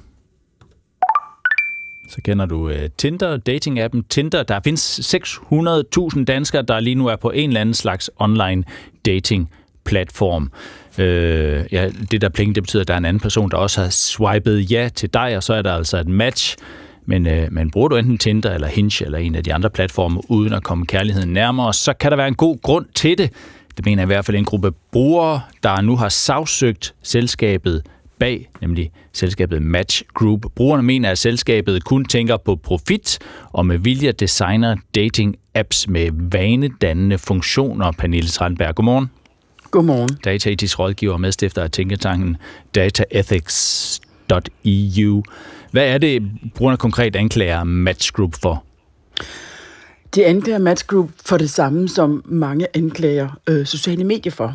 At bruge nogle designteknikker, som fastholder din opmærksomhed og får dig til at bruge mere og mere tid på platformen. Øhm, og det er det, man i EU kalder dark patterns, som faktisk er blevet ulovligt i, i EU. Øhm, men fordi det er, mani- det er manipulerende taktikker. Øh, og, og det er jo rigtigt nok, det bruger man jo for at fastholde brugerne og for at få så meget profit, profit ud af det som overhovedet muligt. Mm. I Match.coms tilfælde handler det meget om at få brugerne til at købe mere. Hvor måske på sociale medier, hvor det er i gåseøjne gratis, handler det om at bruge mere tid, fordi det er det samme som penge. Men hvornår er noget dark patterns, og hvornår er noget øh, en effektiv, øh, god app? Ja, og det mangler vi faktisk øh, noget, noget retspraksis for, der ligesom slår fast, hvad det er og ikke er. Altså i EU-regi har vi peget på, hvornår noget dark patterns. For eksempel, hvis du, hvis du køber ind, og, og der står gratis fragt, gratis fragt, det kan godt være et dark, dark pattern, som får dig til at købe mere, fordi du skal lige købe for 20 kroner mere, for så får du gratis fragt.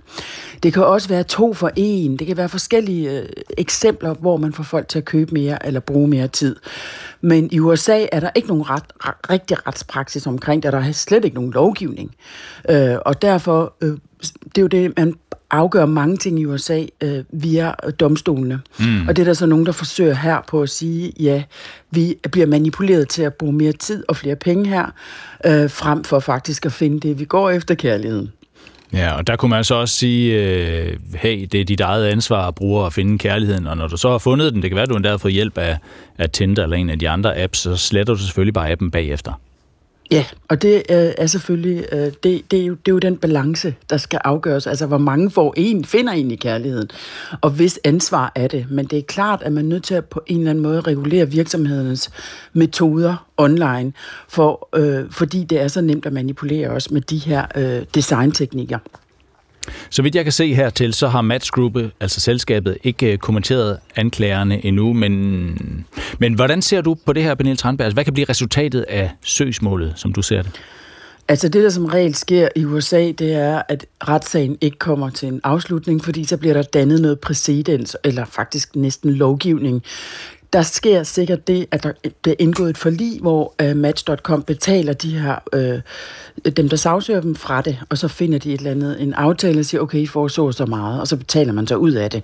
Det har vi set igen og igen og igen med sociale medier, at man betaler sig simpelthen ud af den her sag, fordi man har i forvejen tjent så mange penge på de her algoritmer, de her manipulerende algoritmer, man bruger, så man kan betale sig ud af det. Så lød det fra Pernille Tranberg. Tak for det. Velbekomme. Dataetisk rådgiver og medstifter af tænketanken Data Ethics EU. Ja, så blev klokken halv otte. Vi skal have et nyhedsoverblik med Nina Høsberg. Efter Nordic Waste-sagen vil kommunernes landsforening have regler, der sikrer, at en virksomhed ikke kan løbe fra regningen. Køge har stået med problemet. Forurenet jord fra en kemifabrik endte med at koste skatteborgerne 40 millioner. Derfor ser formanden for Klima- og Planudvalget, Niels Rolskov, gerne, at kommunerne kan stille krav om en økonomisk garanti, så virksomhederne sætter penge af til en eventuel oprydning. Det vil jo simpelthen sikre os 100 procent. Altså hvis øh, virksomheden lukker, så vil forsikringen jo så træde i kraft, eller vi kunne få indløst øh, den der garanti. Det skal kunne mærkes på madkontoen, at oksekød er en af de mest klimabelastende fødevarer. Sådan lyder det fra flere partier, forud for at et ekspertudvalg i næste uge skal komme med sit bud på, hvordan en CO2-afgift på landbruget bør se ud. En af dem er regeringspartiet Moderaterne, hvor Henrik Fransen er klimaoverfører. Jeg synes jo, det er fair, at vi lægger en afgift på, på de fødevarer, der er klimabelastende, og til gengæld halverer momsen på frugt og grønt, som er mindre klimabelastende. Og det støtter SF's Karl Valentin, også selvom det især vil blive dyrere for de fattigste at købe oksekød med sådan en afgift. Jeg synes ikke, at vi skal slække på klimaambitionerne, fordi der er fattige mennesker i Danmark. Altså, det er ikke den måde, vi løser ulighedsproblemerne på. Det haster med at sikre humanitær hjælp til de civile i grænsebyen Rafah i det sydlige Gaza, hvor der nu er over en million flygtninge. Det sagde USA's præsident Joe Biden i en telefonsamtale med Israels premierminister i nat dansk tid. Det israelske militær har for nylig varslet en offensiv i byen, og ifølge generalsekretær i Røde Kors, Anders Ledekarl, vil den få katastrofale følger for de civile. Hvis man begynder en landoffensiv og begynder at skyde og bombe for alvor i de her områder, uden at man har evakueret civile, så vil tabene blive kolossalt store og konsekvenserne enorme. Det er toget nogle steder, og det bliver skyet og diset med regn af og til. Mellem 7 og 12 grader og let til frisk vind fra syd og sydvest. Bjarne Stensbæk og Ole Brink, der er blevet usikkerhed om, hvorvidt NATO-landene står skulder ved skulder. Ruslands krig i Ukraine og Trumps melding om, at Putin, Putin kan gøre, hvad fanden han vil, over for NATO-lande, der ikke betaler nok til alliancen, viser, at der er et stort pres lige nu, et, et ekstra stort pres lige nu på NATO's bærende principper. Ja, vel det allerhelligste princip, en for alle og alle for en. Og den her udtalelse har fået USA's præsident Joe Biden og NATO's generalsekretær Jens Stoltenberg til at reagere kraftigt og sige, at øh, den underminerer alles sikkerhed. Joe Biden han reagerede sådan her. For God's sake, it's dumb, it's shameful, it's dangerous, it's un-American. When America gives us word, it means something. When we make a commitment, we keep it. And NATO is a sacred commitment. Det er dumt og skamfuldt og farligt, og det er uamerikansk, sagde Biden, og USA giver et ord, så holder vi det. Det har været en uge med europæisk øh, sikkerhedspolitik i højsædet. Synes jeg godt, vi kan sige. Onsdag var der møde på Ramstein-basen i Tyskland med landene i koalitionen, der støtter Ukraine, og så var der NATO-topmøde, og i dag begynder så det den årlige europæiske sikkerhedskonference i München, hvor Trumps udmelding uden tvivl igen bliver et tema. Christine Nissen, forsker i udenrigspolitik og diplomati ved DIS, er med os. Godmorgen. Godmorgen. Hvorfor udløser en øh, amerikansk præsidentkandidat, mm, lad os sige, vilde udtalelser til et valgmøde i USA så store dønninger netop nu i Europa? Jamen altså, sådan helt grundlæggende er det jo fordi, at, at de her udtalelser handler om, øh, om vores øh, musketeriet, der er kernen i, øh, i det transatlantiske øh, sikkerhedssamarbejde, øh, og kernen i den sikkerhedsgaranti, som har udgjort en konstant, kan man sige, i den europæiske sikkerhedsarkitektur i hele vores sådan moderne tid. Og, og det er jo sådan med den her musketeriet, at den er skruet sammen på den måde, at det er i afskrækkelsen, øh, så fremt et land angribes ved alle andre lande, øh, ikke mindst USA, træder til at gå til modangreb, og hvis der sås tvivl om, øh, den gælder af en øh, potentielt kommende øh, og tidligere præsident i USA, jamen så, så bliver kernen i NATO-samarbejdet og det transatlantiske samarbejde øh, øh, så fundamentalt svækket, øh, at, mm. at det mm. virkelig... Øh, ja, og, og, og så står vi jo i en situation lige nu, hvor at øh, Europas øh, sikkerhed er troet som aldrig før, øh, så den her slags kommentarer øh, rammer selvfølgelig øh, ekstra dybt øh, lige netop nu. Mm. Og, og, og hele diskussionen her er jo så også, om der er grund til bekymring, altså sådan en reel bekymring. Forsvarsminister Truslund Poulsen, vi talte med ham for ikke så længe siden her i bedt morgen, han er knap så bekymret, øh, for han siger, at USA ingen interesse i har, har i at svække NATO, og heller ikke hvis, hvis Trump bliver, bliver genvalgt. Først og fremmest har USA jo også et stærkt behov for, at øh, Europas sikkerhed øh, stadigvæk er intakt. Øh, vi har en meget stor samhandel med øh, USA, og hvis der er noget, som Donald Trump jo øh, går op i, så ved vi jo også, det er økonomiske relationer. Og derudover, øh, så må man sige, at øh, Europas og USA's interesse er jo sammenfaldende i forhold til at sikre, at den verden, vi lever i, at den ikke udvikler sig i en forkert retning. Christine Nissen, forsker ved DIS. Er det en rigtig analyse, at USA har lige så stor interesse som alle os andre i, at øh, NATO fungerer og er velfungerende på den måde, som det, som, som det er på i dag også? Ja, altså bestemt er der jo, øh, er der jo to, to, to til tango, og to, der har haft øh, glæde af det transatlantiske øh, samarbejde øh, i vores sådan moderne tid. Så helt bestemt er, øh, er amerikanerne også rigtig glade for, øh, for NATO-samarbejdet. Øh, det, det, så, så, så bestemt, altså, og øh, øh, det giver da god mening, at slå koldt vand i blodet. Øh, vi skal ikke øh, panikke og antage, at det vil ske, men man kan måske godt forberede sig på, at, at det kan ske. Fordi det er jo ikke første gang, kan man sige, at Trump har, har sagt noget lignende. Angiveligt kom han ret langt tilbage, da han var præsident ved NATO-topmødet i 2017 i forhold til at undersøge mulighederne for rent faktisk at, at trække USA ud af NATO-samarbejdet. Så der er grund til at tro, at han sådan, så fremt han øh, bliver præsident. Det er han jo så heller ikke endnu, mm, kan man nej. sige. Øh, endnu en grund til at slå koldt vand i blodet. Øh, og det er valgkamp, og det er muligt, at han også skruer op for, for polemikken. Men alt andet lige er der ikke nogen grund til at tro, at han ikke mener det. Øh, men samtidig er det da helt rigtigt, at at øh, amerikanerne også øh, får og har fået noget ud af det transatlantiske mm. samarbejde og NATO-samarbejde. Jeg skal lige forstå dig rigtigt, at det er, også, det er også din analyse, at det faktisk kan ske, at USA trækker sig fra NATO? Altså, spørgsmålet er, hvor øh, hvis, hvis det er, at vi ligesom er ude i at, at svække artikel 5, øh, så er det jo nærmest øh, lige meget, om USA trækker sig fra NATO-samarbejdet eller ej, fordi at, at kernen i samarbejdet er denne her øh, musketer ud, som, øh, som helst ikke skal, øh, skal euderes, for så for, for, forsvinder pointen ligesom med øh, musketereden. Men, men altså, øh, jeg, jeg ser det ikke som usandsynligt, at, at øh, Trump vil, vil undersøge, så fremt han øh, bliver præsident mm. igen, mulighederne for at... Øh, og, og at amerikanerne skal have et andet tilknytningsforhold til, øh, til NATO og til, til USA, og derudover kan man sige, eller til Europa, og derudover er han jo ikke den første præsident heller, som har som i den grad har understreget, at europæerne skal tage meget mere ansvar for, for egen sikkerhed, og at amerikansk øh, udenrigspolitik er en anden, end den var i 90'erne og 0'erne. Øh, hvor at man gerne engagerede sig i, i fjerne krige, om man vil, og, øh, og, og, og blandet sig øh, her der. Det gør, det gør man i mindre grad. Man kigger mere indad, og, og også hvis, hvis Biden øh, vinder et andet øh, term, øh, så må man jo også bare sige, at den øh, tilstedeværelse, vi har set i, øh, på af amerikanske tropper, for eksempel i, øh, i Europa, de, de seneste to år siden Putins invasion af, af Ukraine, øh, og, og i det hele taget et stærkt amerikansk øh, øh, engagement i denne her krig, den vil heller ikke kunne fortsætte øh, under Biden. Det, det har han ikke opbakning til derhjemme, lader det til.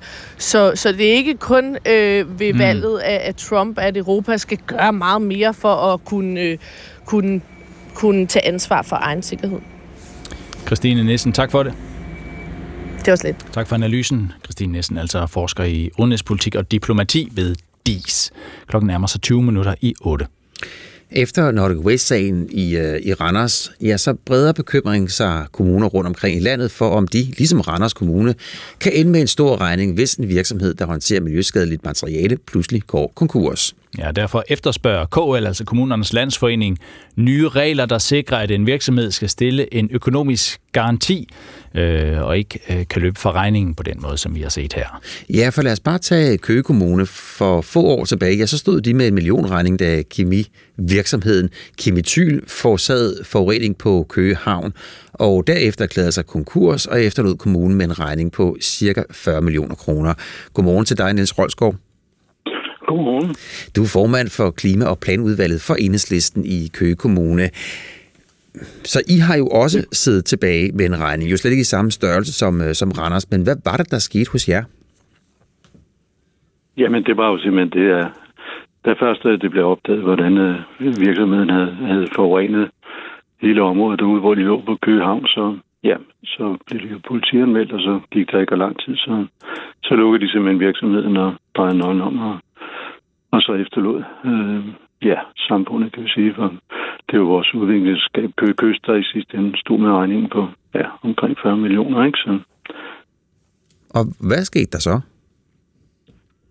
Jamen, så skete jo det, at, at så var det jo øh, udviklingsselskabet, der måtte rydde op, og, og det var det 160.000 ton jord, der, der måtte køres væk og renses og og i sidste ende, ja, så, så blev grunden jo de 40 millioner kroner mindre værd, og, og øh, vi har jo en halvpart i, i det selskab, så når vi øh, afslutter hele regnskabet, så betyder det jo 20 millioner kroner mindre til, til Køges borgere. Hmm, ja, penge, som I måtte så finde i kommunekassen og, og spare andre steder. Nu her, øh, hvor stor en økonomisk garanti skal en virksomhed kunne stille? Ja, i virkeligheden så, så skal det jo være et realistisk i forhold til netop, hvad det kan koste at rydde op. Så, så det må være netop et, et to-cifret millionbeløb, og måske det i virkeligheden er mere realistisk med en øh, forsikringsordning. Så øh, det bliver nok relativt dyrt at skulle stille en garanti på for eksempel 50 millioner. Ikke? Øh, men forsikringsordninger kender man for, for mange steder i samfundet, så det er måske den mere realistisk vej. Mm, men er det, øh, altså, det, altså hvis man som virksomhed skal, skal, skal stille sådan en garanti, så hvor svært tror du så, det bliver at drive virksomhed? Jamen, det bliver jo lige vilkår for alle, så jeg kan ikke sige det. Det vil jo bare sætte et, et nyt niveau, kan man sige. Ikke? Altså, først og fremmest må man håbe, at folk holder op med forurening, og hvis de forurener, ja, så skal der jo ryddes op. Så om det er jo mere retfærdigt, så det er virksomheden, der betaler, det er samfundet, der bagefter står med en stor regning. Hmm. Men, men, øh, men bakker du op om en økonomisk garanti, eller siger du, at du vil have en forsikringsordning? Ja, jamen, ja, jeg har bare på begge metoder, ikke? Så øh, det kan jo så være virksomheden, der i sidste ende må vælge, hvad man vil gøre, ikke? Det, ja, det ser man mange, i mange tilfælde jo ikke, at du kan vælge en eller flere ordninger. Og hvis der er nogen, der har en, en øh, god kapital i ryggen, så øh, garantien sikkert være relativt billig, ikke? og hvis der er andre, så kan man vælge forsikringsordningen. Hmm. Men nu er det jo ikke alle virksomheder, der, der laver ulykker. Risikerer man ikke at skubbe erhvervsdrivende væk, så de ja, ikke kan drive den slags virksomheder i Danmark? Det kan man sige, men erfaringerne fra Køge, vi har, vi har både haft den her kemisygesag, men vi har faktisk også en koldstrup grund, som ligger og, venter på at, at blive ryddet op, ikke? Og, og nu ser vi Nordisk Vækst der, som vi må bare sige, at fortiden viser, at, at tillid er godt, men kontrol er bedre, ikke? Det...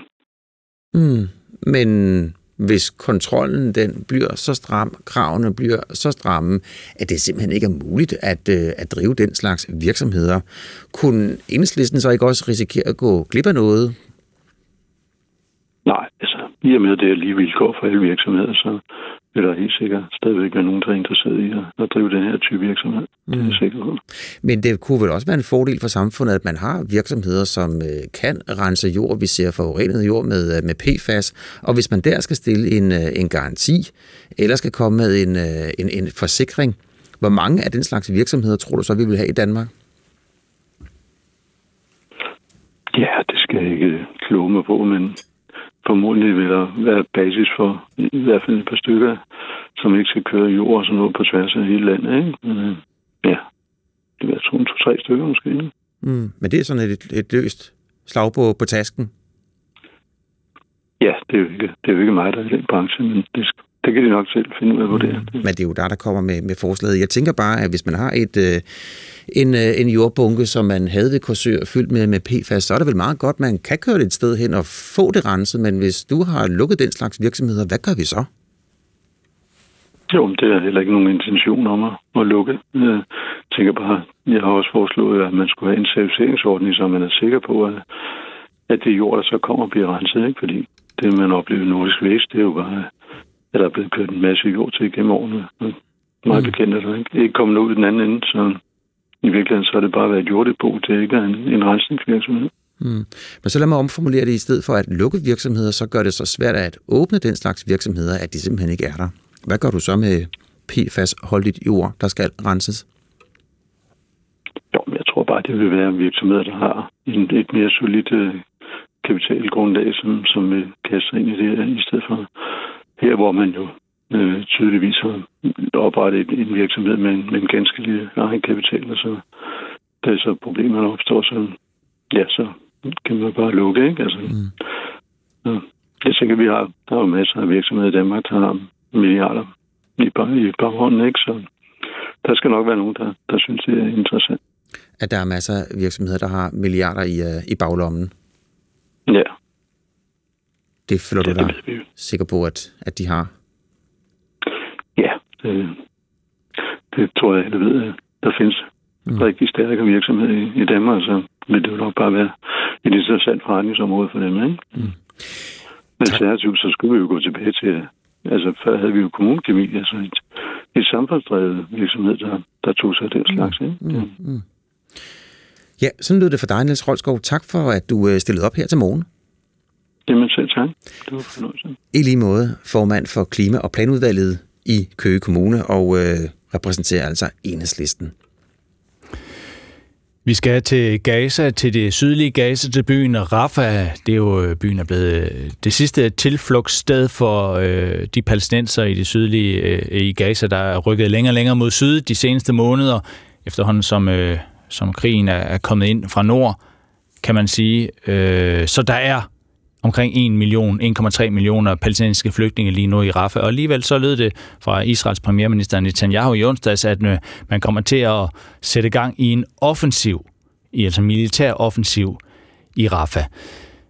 Det er selvfølgelig øh, kritisk, øh, for hvad skal de gøre? De her 1,3 millioner palæstinensiske flygtninge, af dem er mere end 600.000 børn øh, i Rafah. Ifølge Dansk Røde Kors, der netop har modtaget en video fra området, så er situationen allerede nu katastrofal for de civile. Det siger øh, generalsekretær Anders Ladekarl.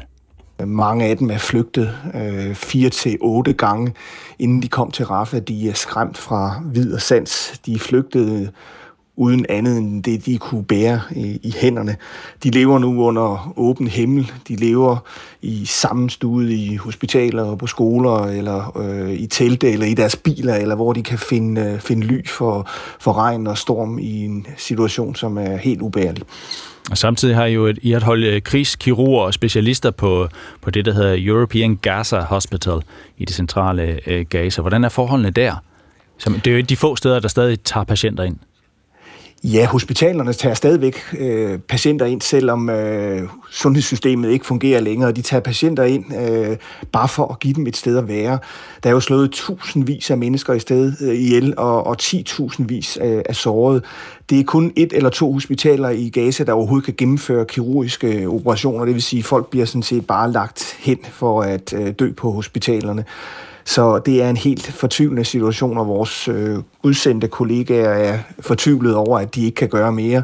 De kan ikke gøre mere, fordi der ingen sengepladser er, fordi hospitalerne er bombet, fordi hospitalerne bliver angrebet, og fordi det ikke kan lade sig gøre for de forsyninger ind, som er nødvendige for at kunne gennemføre de operationer, som tusindvis øh, har behov for. Siger du, at folk bare bliver lagt hen et sted, hvor de så ja, venter på at dø? Ja, øh, faciliteterne er ikke længere til at kunne gennemføre operationer. Der kommer ikke øh, forsyninger ind af kirurgisk udstyr. Øh, der er mangel på ilt. Der er mangel på medicin. Øh, der er selvfølgelig også mangel på, på læger og, og sygeplejersker, som kan tage sig af dem.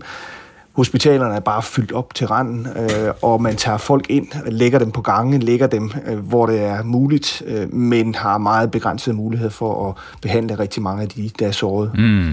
Men der omkring øh, Rafa og grænsen til, til Ægypten, hvordan du har lige været på den egyptiske side af grænsen ind mod, mod Rafa. Øh, hvis vi taler evakueringen og evakueringsmuligheder, altså hvis det der større israelske angreb kommer på Rafa, hvad er der så, hvad er der så muligheder? Ja, der er jo kun to lande, man i givet fald kan flygte til. Man kan flygte til øh, Ægypten, som øh, ikke ønsker at åbne grænserne. Man kan flygte til Israel, som jeg går ud fra heller ikke ønsker at åbne deres grænse.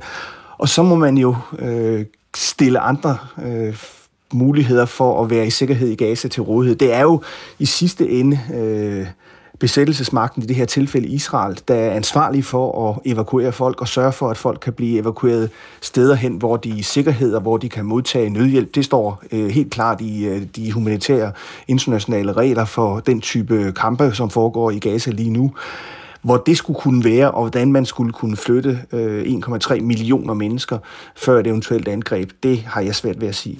Hvad kan I gøre som, som Røde Kors? Alt, alt, alt for lidt. Vi kan først og fremmest appellere til, at øh, der findes en politisk løsning på den her øh, konflikt, for der er ingen humanitær løsning. Vi kan appellere til, at øh, alle de kæmpe byråkratiske forhindringer, der er for at bringe nødhjælp ind, bliver løsnet, så der kommer mere øh, nødhjælp ind. Og så at parterne øh, tager den humanitære folkeret øh, alvorligt, sådan at de lader være med at tage civile som gisler i deres kampe. De lader være med at bruge dem som skjold, og de sørger for, at øh, der ikke øh, uproportionelt bliver angrebet i områder, hvor sandsynligheden for, at der er rigtig mange civile, der dør, er alt for stor. Og vi hørte lige i indledningen lederen af UNICEF's nødhjælpsarbejde i Rafah sige, at øh, i øjeblikket der er, det, er situationen katastrofal. Hvis Israel laver en landoffensiv, så vil det være mere end katastrofalt. Hvordan ser, hvordan ser, hvordan, hvordan ser det ud i en situation, hvor det er mere end katastrofalt? Men de billeder, vi får hjem, viser jo, hvor tæt folk bor. Altså, der er ikke en kvadratcentimeter i Gaza, som øh, ikke er besat med mennesker, enten i telte eller på gaden eller på anden vis prøver at være til stede i et område, hvor der er alt, alt for mange mennesker. Det siger sig selv, at hvis man begynder en landoffensiv og begynder at skyde og bombe for alvor i de her områder, uden at man har evakueret civile, så vil tabene blive kolossalt store og konsekvenserne enorme. Rafa er også det eneste sted, hvor der kommer en lille smule nødhjælp ind. Begynder kampene der, så stopper en hver form for nødhjælp ind til de mennesker, som er desperat afhængige af, at der kommer hjælp og mere hjælp frem. Så det kan kun blive en katastrofe i katastrofen sagde Anders Ladekarl, generalsekretær i Dansk Røde Kors. 7.52 er klokken.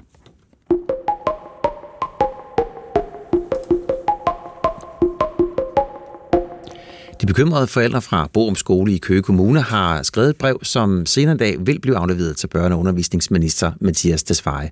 Og det her brev, der meddeler forældrene, at de er rystet over kommunens håndtering af sagen.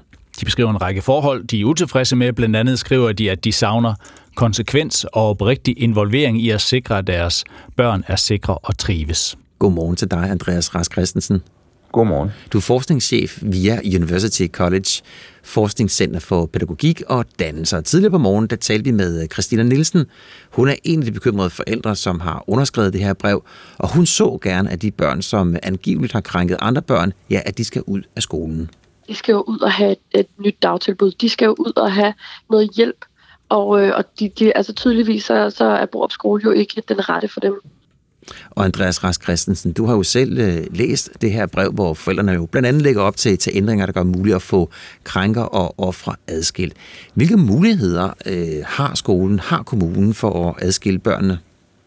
Jamen, ultimativt i forhold til ordensreglementet, som det er nu, jamen, så kan man øh, flytte elever til en anden skole. Det kræver bare, at den anden skole, man vil flytte dem til, øh, accepterer, at de flyttes dertil. Normalvis kræver det også forældrenes accept, men i en situation, hvor der er grove hændelser, øh, der, der kan man så øh, dispensere fra forældresamtykket. Men det kræver altså, at den anden skole ligesom accepterer modtagelsen af eleverne. Øh, så, så det kan være en barriere. Så kan man også øh, gøre noget på selve skolen. Man kan flytte eleverne til en anden klasse. Man kan i princippet også øh, holde dem øh, lidt for sig i nogle perioder.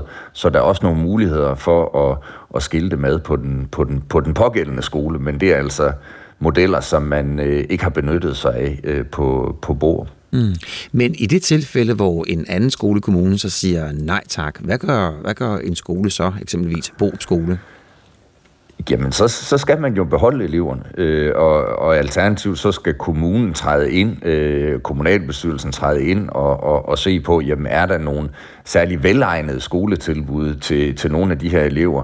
Vi taler jo i forhold til den konkrete sag stadigvæk lidt ind i en black box, fordi det er jo, ikke, det er jo langt fra givet, at de elever, der har begået nogle øh, voldsomme handlinger, de, øh, de for eksempel har diagnoser, men, men i fald de har det, jamen, så skal man jo selvfølgelig se på, jamen er der et øh, specialtilbud i kommunen, der i det hele taget kan håndtere den her type af elever. Så der, der er mange mellemregninger i det. Det er ikke bare sådan at, at flytte nogle elever eller smide dem ud af skolen. Og der er også nogle udfordringer forbundet med selvfølgelig at, at lave nogle adskillelser af dem og de andre på selve skolen. Ja, og altså, som du siger, der er, der er nogle, nogle balancer i, uh, i det her, og det er tydeligt at se, at forældrene på skolen, de ikke er tilfredse. De har skrevet det her brev, du har læst det her brev. De balancer, du taler om, hvad er det?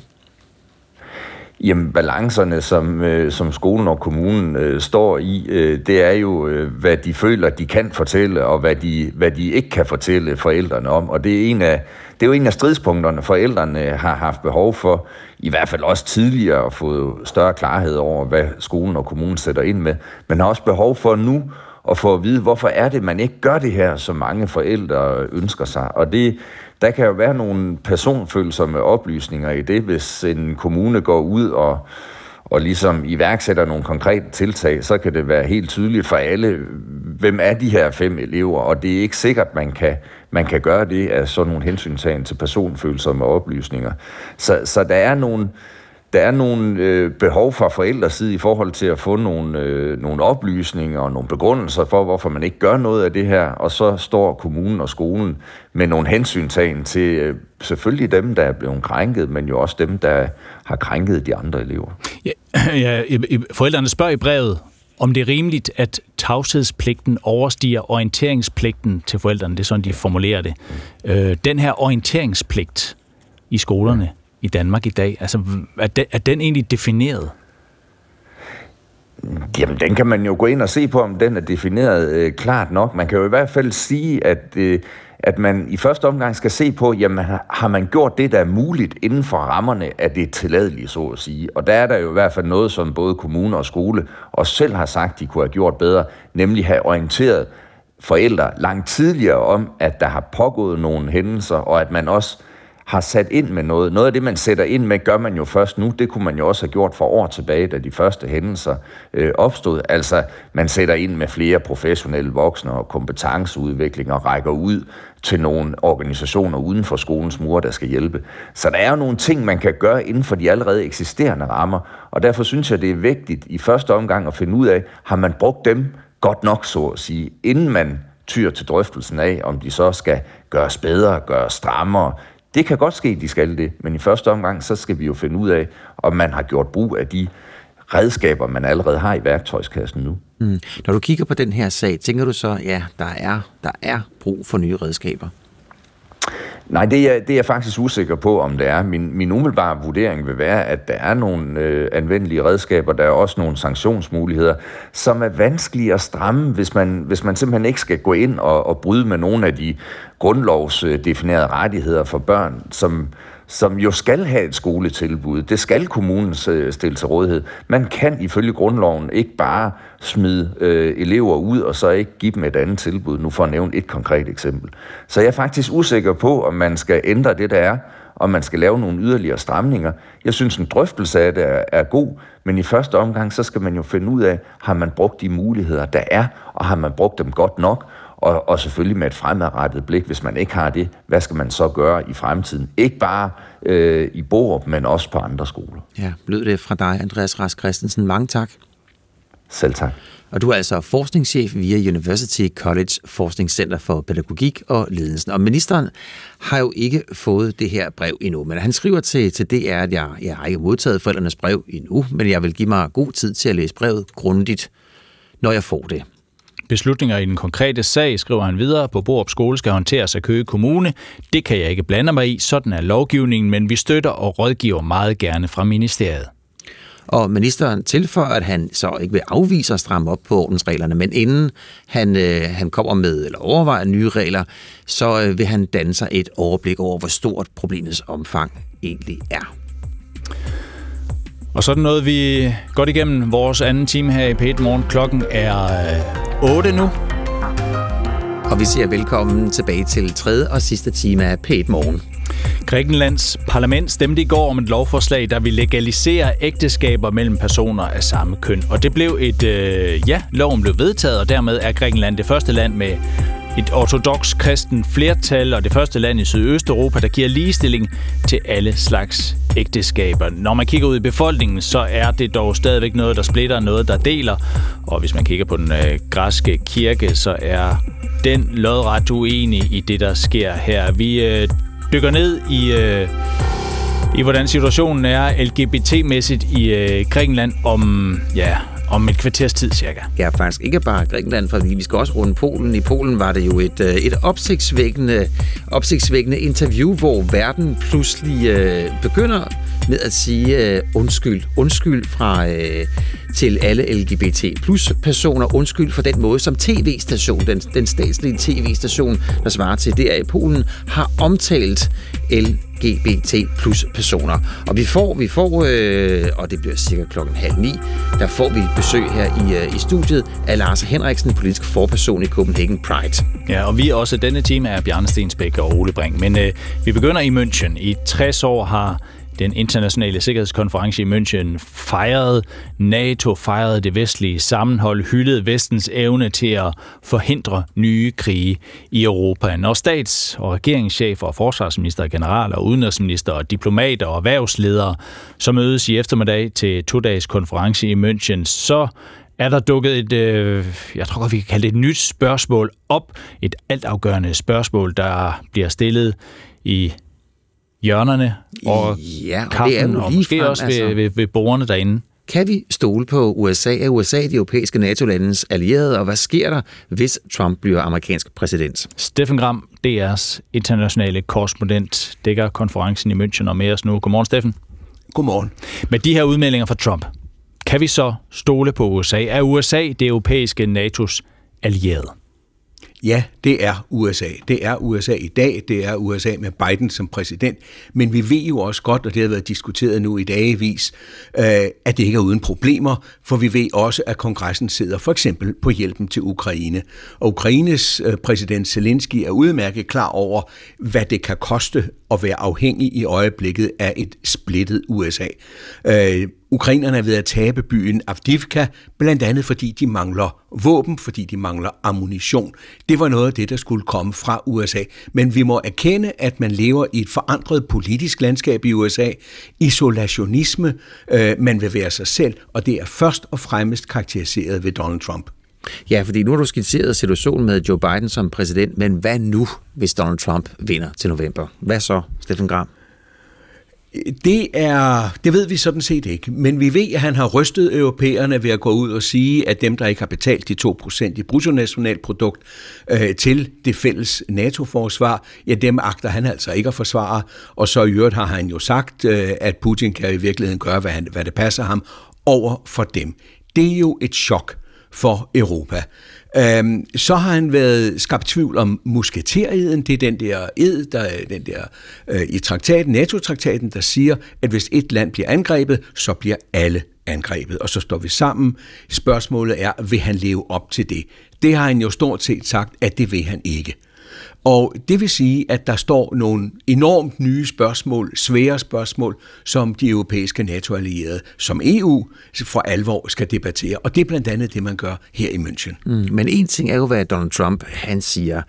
Og, øh, men ser du i, i amerikansk politik, ser du en bevægelse i retning af, at USA gerne vil isolere sig?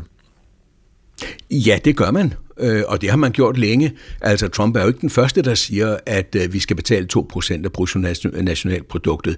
Da man indgår den aftale, det gør man ved NATO-topmødet i Wales i 2014, der er det Obama, der presser på. Øh, og der siger vi ja, og vi gør ingenting. Jeg har talt for år tilbage, da jeg var korrespondent i USA, øh, med en, øh, med en, udenrigs, nej, med en forsvarsminister, og spurgte, jamen er I ikke klar over, hvor irriteret amerikanerne er over, at vi ikke betaler? Jamen, de brokker sig altid Øh, var så svaret. Så der har været en ligegyldighed fra mange europæiske NATO-allierede gennem mange år, hvor man har sagt, at amerikanerne skal nok betale. Men det gør de altså ikke mere. Så hvad er svaret, øh, svaret i den her omgang, Steffen Gram? Altså, hvad kommer på bordet, tror du, på Sikkerhedskonferencen i München? Der kommer man til at diskutere, hvordan skal vi så håndtere det her, hvis man nu er et Europa, der står uden den amerikanske opbakning. Man diskuterer for eksempel Tysklands militære udvikling. Den skal være massiv, meget mere øh, massiv, end den allerede er i dag. Man diskuterer, hvordan bygger man en europæisk, øh, hvad skal vi sige, NATO-alliance op. Hvem skal bestemme?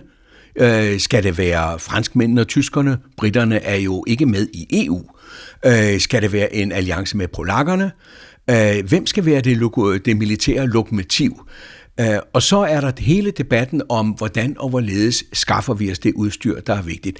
Det er ikke nogen hemmelighed, at øh, Europa, det europæiske NATO, ikke har de militære midler, der skal til. Øh, og der var Ursula von der Leyen fra EU ude i går og sige, at vi bliver simpelthen nødt til at subsidiere europæisk forsvarsproduktion forsvarsindustri. Det er nye toner, men mm. det er, som hun siger, fordi vi er i en mere brutal verden, end vi er nu.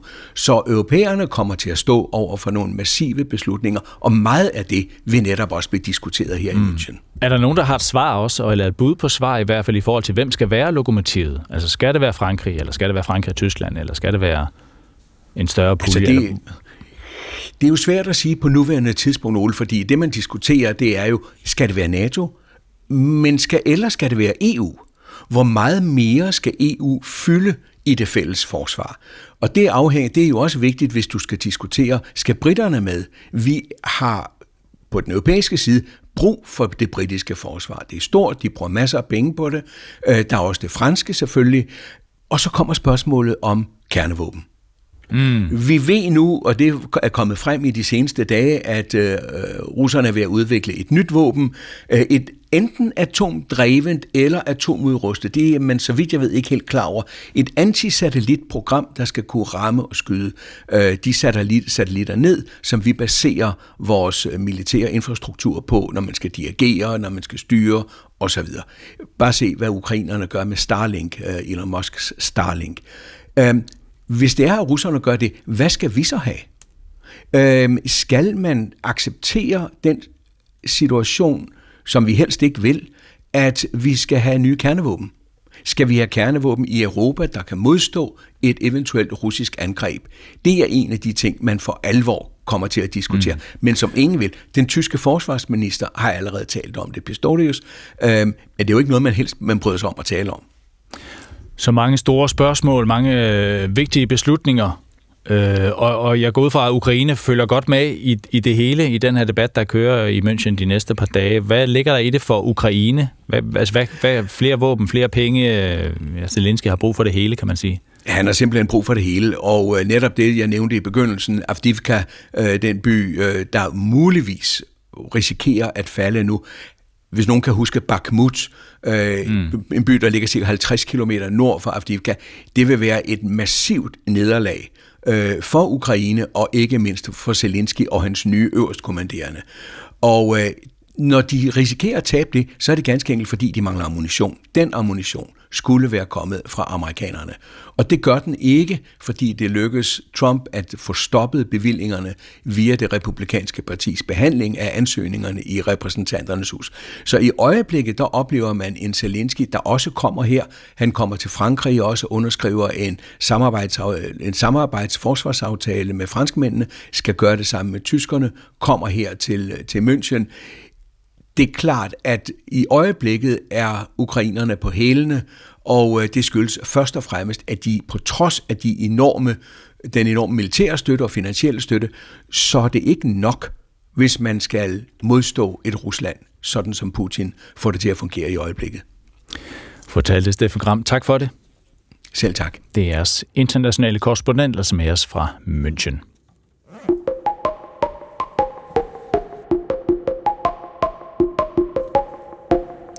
Et økonomisk nøgletal gav i sidste måned panderynker hos de amerikanske økonomer. Inflationen i USA for januar lå nemlig op på 3,1 procent, og det er en del mere, end hvad økonomerne forventede. Og det er også en god portion over centralbankernes målsætning, som altså er på 2 procent. Ja, tallet viser, hvor meget priserne er steget det seneste år, og når det er højere end forventet, så kan det også betyde noget for øh, de rentenedsættelser, der er forudset, men som måske nu bliver presset lidt længere ud i horisonten. Ja, det fortæller Lars Olsen, der er cheføkonom i Danske Bank. Ja, men øh, vi kunne se, at øh, i januar, der var der en del virksomheder i USA, der, der altså gav priserne et øh, nyk opad. Man ser jo ofte det her med, at priser bliver reguleret i januar. Jeg tror blandt andet, det afspejler, at der er en del virksomheder, der som har oplevet højere omkostninger øh, ja, over det seneste år. Øh, så bruger de den her årlige regulering øh, til at ligesom sætte, sende regningen videre. Og det kunne vi altså se skete over en ret bred kamp, især inden for sådan servicesektoren, altså alle mulige former for tjenesteydelser. Og det er jo noget, der selvfølgelig bekymrer lidt, fordi det, som centralbanken i blandt andet er, er bange for nu, det er jo, at øh, de her ret høje lønstigninger, vi ser i USA, at de vil slå igennem, øh, drive være det, der ligesom holder inflationen oppe. Øh, og det er jo selvfølgelig et symptom i den retning, når vi kan se, at det netop er i servicesektoren, som jo er meget afhængig af lønninger, at øh, inflationen altså er højere, end den sådan burde være. Mm. Er 3,1 procent, er det meget? Nej, det er jo ikke vildt meget. Målsætningen er 2 procent, øh, og det er altså målt ved et andet indeks end det her. Øh, så i virkeligheden er, er det ja, ikke, ikke særlig langt fra, fra, fra, hvad man skal have, når man overhovedet tænker på, hvor stor usikkerhed der overhovedet er over at opgøre de her ting og sådan noget, så er det faktisk ikke sådan helt vildt. Men, men, øh, men altså prisændringen fra måned til måned, altså fra øh, december til januar, øh, hvis den fortsætter, så, så bliver det alt for meget. Mm. Øh, og og det, det er sådan lidt den bekymring, tror jeg, der, der også sætter sig i markedet. Og, og der er jo forbindelser hen over Atlanten her. Altså når den amerikanske centralbank hæver eller sænker renterne, så har det også betydning for os øh, herhjemme i Danmark. Øh, den amerikanske centralbankchef øh, Jerome Powell har tidligere luftet muligheden for, for rentenedsættelser i år. Han har blandt andet sagt sådan her. We are seeing, uh, you know, strong growth that is that is appears to be moderating. We're seeing a labor market that is coming vi ser stærk vækst, vi ser et arbejdsmarked, som er ved at komme tilbage i balance, vi ser inflationen bevæge sig i den rigtige retning. Det er de her faktorer, vi gerne vil se, sagde han. Øh, men så er der så kommet det her nye tal, Lars Olsen, et nye mm. inflationstal. Betyder det, at de, de rentenedsættelser, man gerne vil se, fordi det får det hele til at glide meget lettere, øh, øh, at de er skubbet ud længere væk? Altså øh, sammen med de andre nøgletal, der også er kommet på det sidste, der også har været stærkere end forventet, altså også for, hvordan økonomien har det, og beskæftigelsen og sådan nogle ting, øhm, så, så har det jo helt klart dæmpet forventningerne til, hvor mange rentenedsættelser, der når at komme i år. Det er jo stadigvæk helt klart forventningen, at der kommer rentenedsættelser i år. Øhm, og det er det jo simpelthen, fordi renteniveauet er så højt. Altså det, øh, det er et unormalt øh, højt renteniveau af som de fleste vurderer det i hvert fald, som vi har i øjeblikket. Man kan sige, lige nu træder øh, centralbanken altså hårdt på bremsen i, i forsøget på at ligesom dæmpe øh, aktiviteten. Man kan godt stadigvæk træde på bremsen, men måske lidt, lidt mindre hårdt, og det er jo det, det svarer til, hvis man begynder at sætte renten lidt ned. Så det, så det er forventningen, at det kommer. Det tror jeg også på, at det gør. Men det er klart, at, øh, at forventningen til, hvor meget det sker i løbet af i år, den, den er aftaget. Og der, der, de var også meget aggressive, de forventninger, hvis man går en måned eller to tilbage. Øh, og nu øh, er forventningen så, at renten vil blive sat ned måske en 3-4 gange, i stedet for en 5-6 gange i, i løbet af i år. Og det mener jeg i og for sig er meget realistisk. Ja, så en, en, en, ja, den, den bliver sat ned, men vi må lige øh, vi må have dig til at blive lidt mere konkret, altså hvor, ja. hvor, hvor, hvor store rentesækninger taler vi om? Jamen altså, noget i størrelsesorden et procentpoints øh, lavere rente i USA, når vi når hen mod slutningen af året. Og det vil jo stadigvæk sige en rente over 4 procent, så det er jo stadigvæk højt. Øhm, og det er jo netop, fordi der faktisk er så meget gang i den. Jeg tror, de fleste, inklusive mig selv i hvert fald, er der blevet stærkt overrasket over, at den amerikanske økonomi ligesom ikke er blevet mere afdæmpet af at få så store renteforholdelser øh, på sig, som, som den har fået øh, her over de sidste par år. Øh, og det betyder jo selvfølgelig også, at potentialet for, hvor hurtigt de skal ned, det, den er lavere. Men altså, at de skal ned, det, det, det mener jeg nu altså stadigvæk er, er klart det mest sandsynlige. Og det mener jeg altså faktisk også jo øh, i Europa og, og Danmark. Mm, det er, fordi en ting, det er så USA, noget andet, det er Europa. Forventer du også, at Europa så vil følge amerikanerne og sætte renten mm, Ja, markant altså, ned? Ja, markant og markant, men i hvert fald øh, øh, sådan lidt i samme størrelsesorden, måske lige knap så meget. Vi kommer jo fra et lidt lavere udgangspunkt. Vi har aldrig fået sat renten helt så meget op som amerikanerne, så der er lidt mindre øh, at tage på nedsiden. Man kan så sige, at vi har altså øh, i Europa en inflation, der, der er noget mere der opfører sig lidt bedre, øh, er, er lidt mere under kontrol. Det giver mere mulighed for at sætte renten ned. Omvendt har vi så også i, øh, i store dele af Europa, i øverområdet som helhed. Øh, et arbejdsmarked, der bliver ved med at være meget stramt. Beskæftigelsen bliver ved med at stige kraftigt, øh, også her i slutningen af sidste år. Øh, så det er sådan lidt på den ene side og den anden side, men jeg tror, at bundlinjen vil også i Europa, og dermed også i Danmark, være, at renten vil blive sat ned, men langsomt og forsigtigt, og ikke sådan øh, øh med, med buller og brag, fordi der stadigvæk bare er rigtig godt gang i i økonomien faktisk, i hvert fald i forhold til, hvad man skulle forvente, når man har fået så mange renteforholdelser. Ja, hvornår sætter Danske Bank renten ned? Øh, det tør jeg ikke svare på, men øh, jeg, kan, jeg tror, at Danmarks Nationalbank i hvert fald vil sætte renten ned, når den europæiske centralbank gør det. Og det kunne jeg forestille mig blive i juni måske. Måske øh, øh, lidt før er der også en chance for. Øhm, og så vil det i hvert fald påvirke det danske rentemarked. Ja, fra, ja undskyld. Ja, det er fra Lars Olsen. Ja fra Danske Bank. Cheføkonom i Danske Bank. Et flertal i det græske parlament stemte i går en ny lovgivning igennem, der betyder, at det i Grækenland nu bliver tilladt, at to personer af samme køn bliver gift med hinanden. Og Grækenland blev dermed det første land med ortodox kristent flertal, og det første land i Sydøsteuropa, der giver ligestilling til alle slags ægteskaber. Med os nu har vi Mogens Pelt. Godmorgen. Godmorgen. Lektor ved Saxo Instituttet ved Københavns Universitet, ekspert i Grækenland græspolitik. Øh, den her nye lovgivning har været på vej i noget tid. Hvad er det, der gør, at den bliver vedtaget netop nu? Der er flere forhold, der gør sig gældende. Den siddende regering, som er konservativ, har et meget komfortabelt flertal i parlamentet, og i betragtning af, at man godt ved, at der vil være nogle medlemmer af regeringen, der ikke vil stemme for, så har man stadig så mange, kan man sige, så stort et flertal, at, og det var strategien, hvis man fik, og det regnede man med at få, støtte hen over midten over på den anden side fra de to største oppositionspartier, så vil der være stemmer nok til at, at bringe lovgivningen igennem. Så det har altså noget med timing og tidspunkt at gøre. Det er det ene forhold. Det andet forhold er, at øh, den her regering arbejder meget på at strømligne Grækenland i gåsøjne i forhold til, kan man sige, europæiske standarder, så det virker mere moderne på en række parametre, herunder altså også på, på lovgivning omkring ægteskab blandt folk af samme mm. køn som jo er normen. Og den tredje ting er, at øh, hvorfor nu i februar, hvorfor ikke i maj eller så videre, at det hænger sammen med, at der er valg til Europaparlamentet i, i juni måned.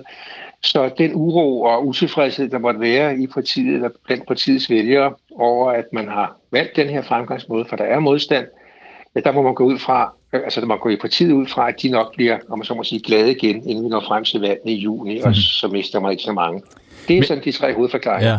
Men som du er inde på, så er øh, altså premierministeren øh, Mitsotakis er jo fra et konservativt parti, der nu foreslår noget at får gennemført noget, der måske ikke sådan er øh, bliver anset for at være sådan rigtig øh, konservativt. Er det en splitter, det her? En splitter for hans parti og en, en splitter for regeringen? Ikke på den lange bane. Det parti øh, rummer, øh, om du vil, øh, temmelig mange nuancer inden for det, vi forstår ved at være øh, et højre parti. Ikke bare konservativt, men også højre. Øh, det indeholder folk fra noget, man vil kalde tæt på det ekstreme øh, højre, og nogle af dem har også med årene forladt partiet og går i andre. Men der er også en masse, der er blevet inden for partiet. Så når der kommer til sager, øh, mærkesager, for eksempel omkring i gåsøjne naturlig orden, som dem, som så stemt imod, vil sige, det her er et brud på, fordi det har jo altid været sådan, ja, så har man prøvet det før. Man har prøvet det i forbindelse med nationale markører, øh, navnesagen med øh, Republiken Nord for Grækenland, Nordmakedonien. Der var masser af det her parti, der ikke ville støtte den øh, sag i sin tid. De ser så ikke ved regeringsmagten, så de behøver ikke bekymre sig om det. Der er masser af sager, det vil blive ved med at være, fordi det har så bredt et spektrum af, af, af højre i sig. Hmm. Hvordan, hvordan, øh, hvordan reagerer grækerne på det her? Altså, tendensen i opinionen er, at øh, der findes et, et mindre flertal, 55 procent har jeg set blandt andet nævnt, for at det her det er den rigtige vej at gå. Tendensen over år er, at der er blevet flere og flere, der mener, det er den rigtige vej at gå. Altså det er en sag, som, som vil vinde øh, støtte og opbakning, som årene går, hvis ikke der sker noget dramatisk anderledes. Det må man forvente. Men det, det er en holdningssag. Så kommer der til, hvornår er den her sag så et spørgsmål, ikke om liv og død, men noget helt personligt vigtigt. Og der er det kun et, mindre, øh, øh, altså et, et, et, et, et mindretal, for hvem det virkelig betyder noget, det her.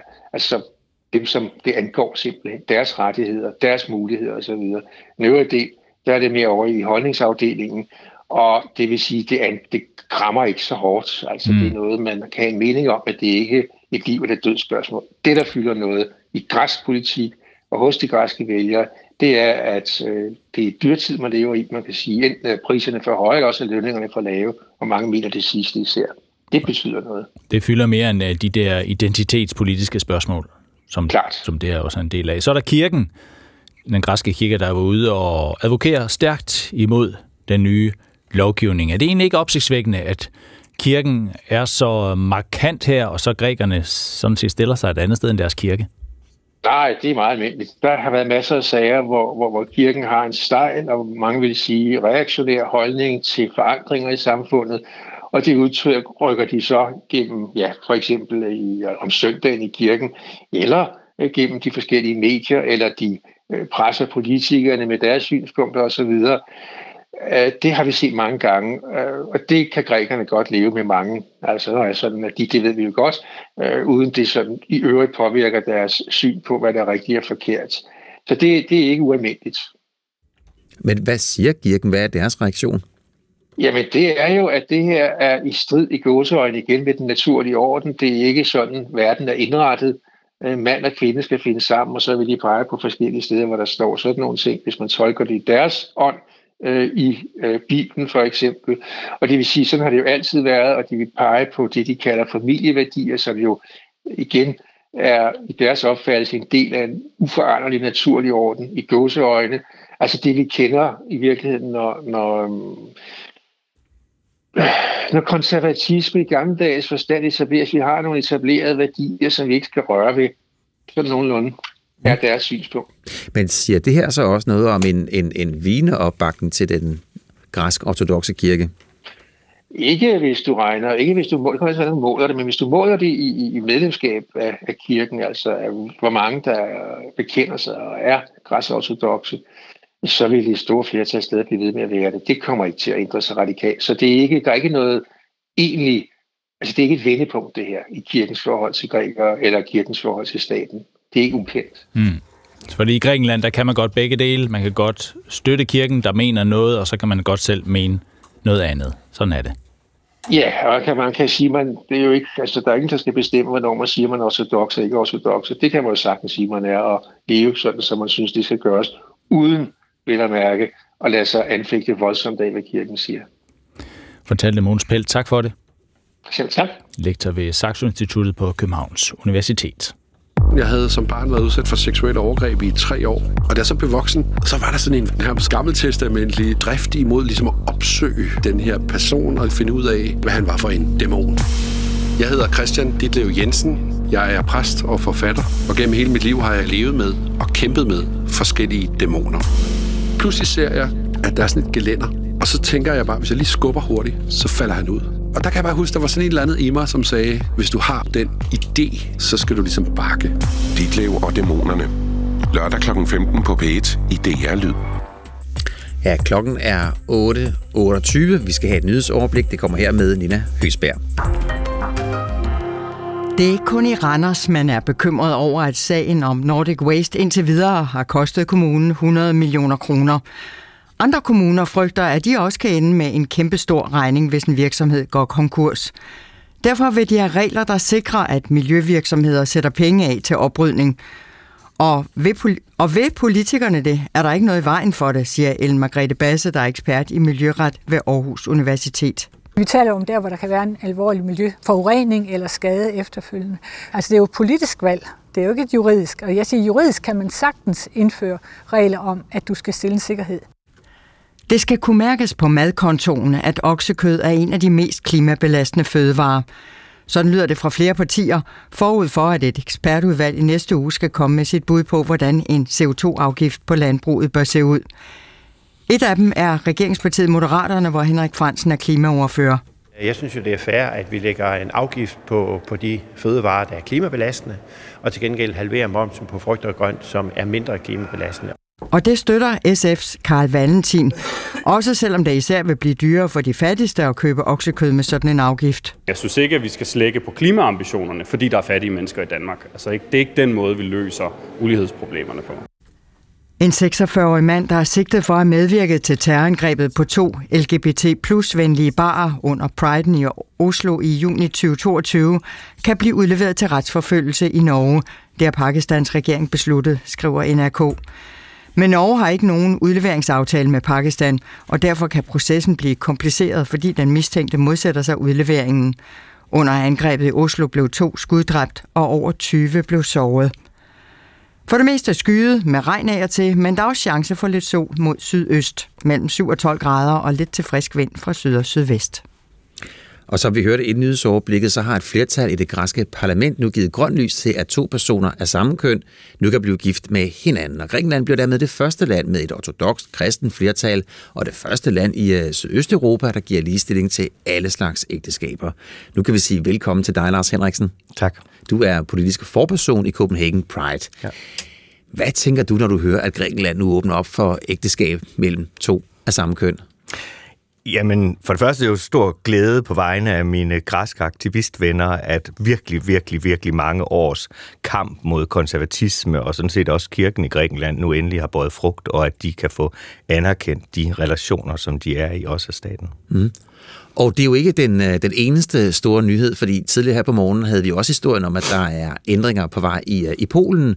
For i otte år har det nationalkonservative øh, og LGBT plus skeptiske parti, PiS, ved magten i Polen og den statsejede tv-kanal TBS, ja, de blev, blevet, ja, blevet meget tiden er blevet beskyldt for at, øh, at agere talerør for regeringen. Og Donald Tusk så øh, koalitionen besejrede eller, eller fik øh, magten sidste år, ja, så gik der ikke længe før den nye regering fyrede TVP's ledelse. Og så skete der noget, fordi så kom der pludselig et øh, tv-indslag, hvor det lød sådan her. Zanim zaczniemy rozmowę, to wydaje mi się, że mm, powinno, powinny paść trzy zdania. Przez długie lata w Polsce pod adresem wielu osób... Før vi begynder samtalen, synes jeg, der er tre ting, der skal siges. I mange år er det i Polen blevet brugt skændige ord over for mange folk, blot fordi de har forholdt sig til, hvem øh, de synes, de er, og hvem de elsker. LGBT plus personer er ikke en ideologi, men mennesker. De har navne, ansigter, slægtninge og venner. De mennesker bør høre, høre ordet undskyld et sted fra, og det er ud fra det, jeg nu siger undskyld. Ja, og Sveslag hed TV-verden, og uh, Lars Henriksen, du havde en, uh, en, uh, en kollega, en ven, som uh, sad med i studiet. Ja, Bart Staszewski, som er en af de, der virkelig har lagt ryg og ansigt til kampen mod Lovordenspartiet, men også mod for eksempel sådan noget som de LGBT-fri zoner, øh, som omkring 100 polske kommuner, da der var flest, havde erklæret sig som. Hvordan var det for ham at leve i Polen under de betingelser? Jamen, han, han, han sagde i et øh, nyhedsklip, at han havde det på vej hen til den her udsendelse, for han vidste jo ikke, den der und, undskyldning ville komme. Det var for ham bare endnu en optræden i et ekstremt fjendtligt øh, nyhedsmedie. Og han havde det, som om han skulle til øh, afslutningen på sin gymnasietid. Han, hjertet bankede. Det var som om, han, han skrev, beskrev det som, at han gik ind i sin øh, overfaldsmands hjem. Øh, og så stresset, stressen var jo i hele kroppen og så videre, og derfor beskriver han jo også, hvor vigtigt det er at få en undskyldning, fordi øh, det på en eller anden måde får ens stressniveau til at falde. Det betyder jo ikke, at alt er blevet godt, og det havde jo, synes jeg, og det tror jeg, han ville være enig i, øh, havde været skønnere, hvis det havde været dem, der havde begået overgrebene, der gav undskyldning, og ikke nogen andre på deres vegne. Men det er nu der, vi er, og det er i hvert fald et vigtigt skridt fremad, også at det bliver sagt på national tv. Og så kan man selvfølgelig sige, og det tænker jeg, der vil sikkert være kritikere, der går ud og siger, at det her er jo ikke udtryk for en mindre statsstyret retorik end tidligere. Nu er det bare en retorik, som mm. jeg for eksempel synes om, men, men det er jo stadigvæk ikke lader det til et uafhængigt nyhedsmedie, men netop et statsdrevet, som har meget mere politisk indblanding, end vi er vant til. Men de vidste ikke, der var en undskyldning på vej? Nej, da, da det vidste de Jeg synes også, jeg har set klippet, jeg synes, man kan se det i deres ansigter. Ja. At der er sådan en oprigtig overraskelse. Ja, og det altså... Og, og jeg, jeg tror simpelthen ikke, at vi i vores kontekst helt kan forstå, hvor stort et pres de her aktivister har levet under. En ting er, at LGBT plus personer sådan bredt set har levet øh, under et pres, men de, der har stukket næsen frem og er blevet ansigter på dels LGBT-bevægelsen, men også kampen imod Lordenspartiet, er jo blevet udsat for virkelig, virkelig voldsom retorik og virkelig, virkelig voldsomme personangreb. Øh, og de er bare blevet ved. Mm. Øh, og for dem er det her jo også, altså både at Lorenspartiet taber valget, øh, altså at den polske befolkning på mange måder jo også dermed udtrykker, at det her vil vi ikke længere finde os i, øh, som et flertal. Der er jo stadigvæk mange, til, der tilslutter sig partiet. Øh, og så bagefter at få en offentlig undskyldning. Altså,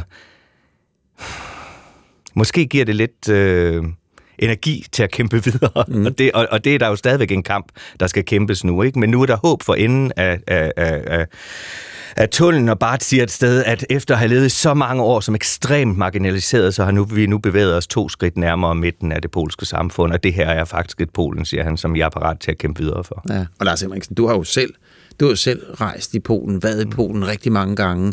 Hvordan har det øh, for dig som øh, forperson Copenhagen Pride, hvordan har det været for dig at, øh, at være i Polen?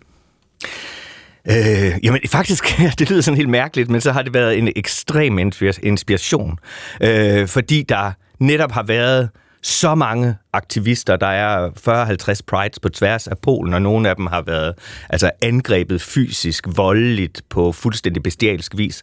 Andre steder, som i Warszawa for eksempel, der foregår paraderne nogenlunde, pride-paraderne nogenlunde fredeligt. Øh, så er de blevet ved, og de er blevet ved med at tro på det, og de er blevet ved med at gå forrest, og de er blevet ved med at tage tæskene osv. Og jeg har kigget på de her mennesker, som er små, bitte, skrøbelige personer, øh, som bare har så meget styrke, og det har, altså det har jo givet mig inspiration, øh, og en enorm agtelse og beundring for de mennesker, som bare slås mod helt andre odds, og bliver ved og ved og ved og ved, selvom mm. det går ud over dem. Hvad har du selv oplevet i, uh, i Warszawa, ikke bare i forbindelse med Pride, men også hvor du er gået hen i stedet og fået en, uh, en vodka og en vodka mere. Og... I, i Warszawa vil jeg sige, har jeg har ikke oplevet ret meget uh, sådan fjendtlighed. Uh, det var selvfølgelig lidt pudsigt at komme til Warszawa Pride, og så er ambassaden for, udviklet, for udleveret sådan nogle små kort, jeg kunne bære rundt på med sikkerheds, sikkerhedsnumre og så videre, så jeg hele tiden havde et backup-system, hvis der skete noget. Det gjorde der ikke. Altså udleveret ambassaden? Ja, øh, havde lavet sådan nogle små papirkort. Jeg tror endda, jeg har det et eller andet sted, når det ligger min jakke udenfor. Stadigvæk af en eller anden grund. For det er bare sådan et lille stykke papir, jeg stak ned bag min kreditkort. Men hvor der stod øh, politi, ambulance, øh, kontaktperson ved ambassaden osv., så, så hvis der skete noget, kunne vi komme i kontakt med nogen med det samme. Ikke? Men i Krakow har jeg oplevet, at øh, altså, at folk vendte fysisk ryggen til os, når vi kom forbi i paraden, at politiet gik altså, med måske en halv meter imellem i fulde kampuniformer og skjolde og, og så videre. Og vi gik jo i vores almindelige tøj, og så blev vi dænget til med æg.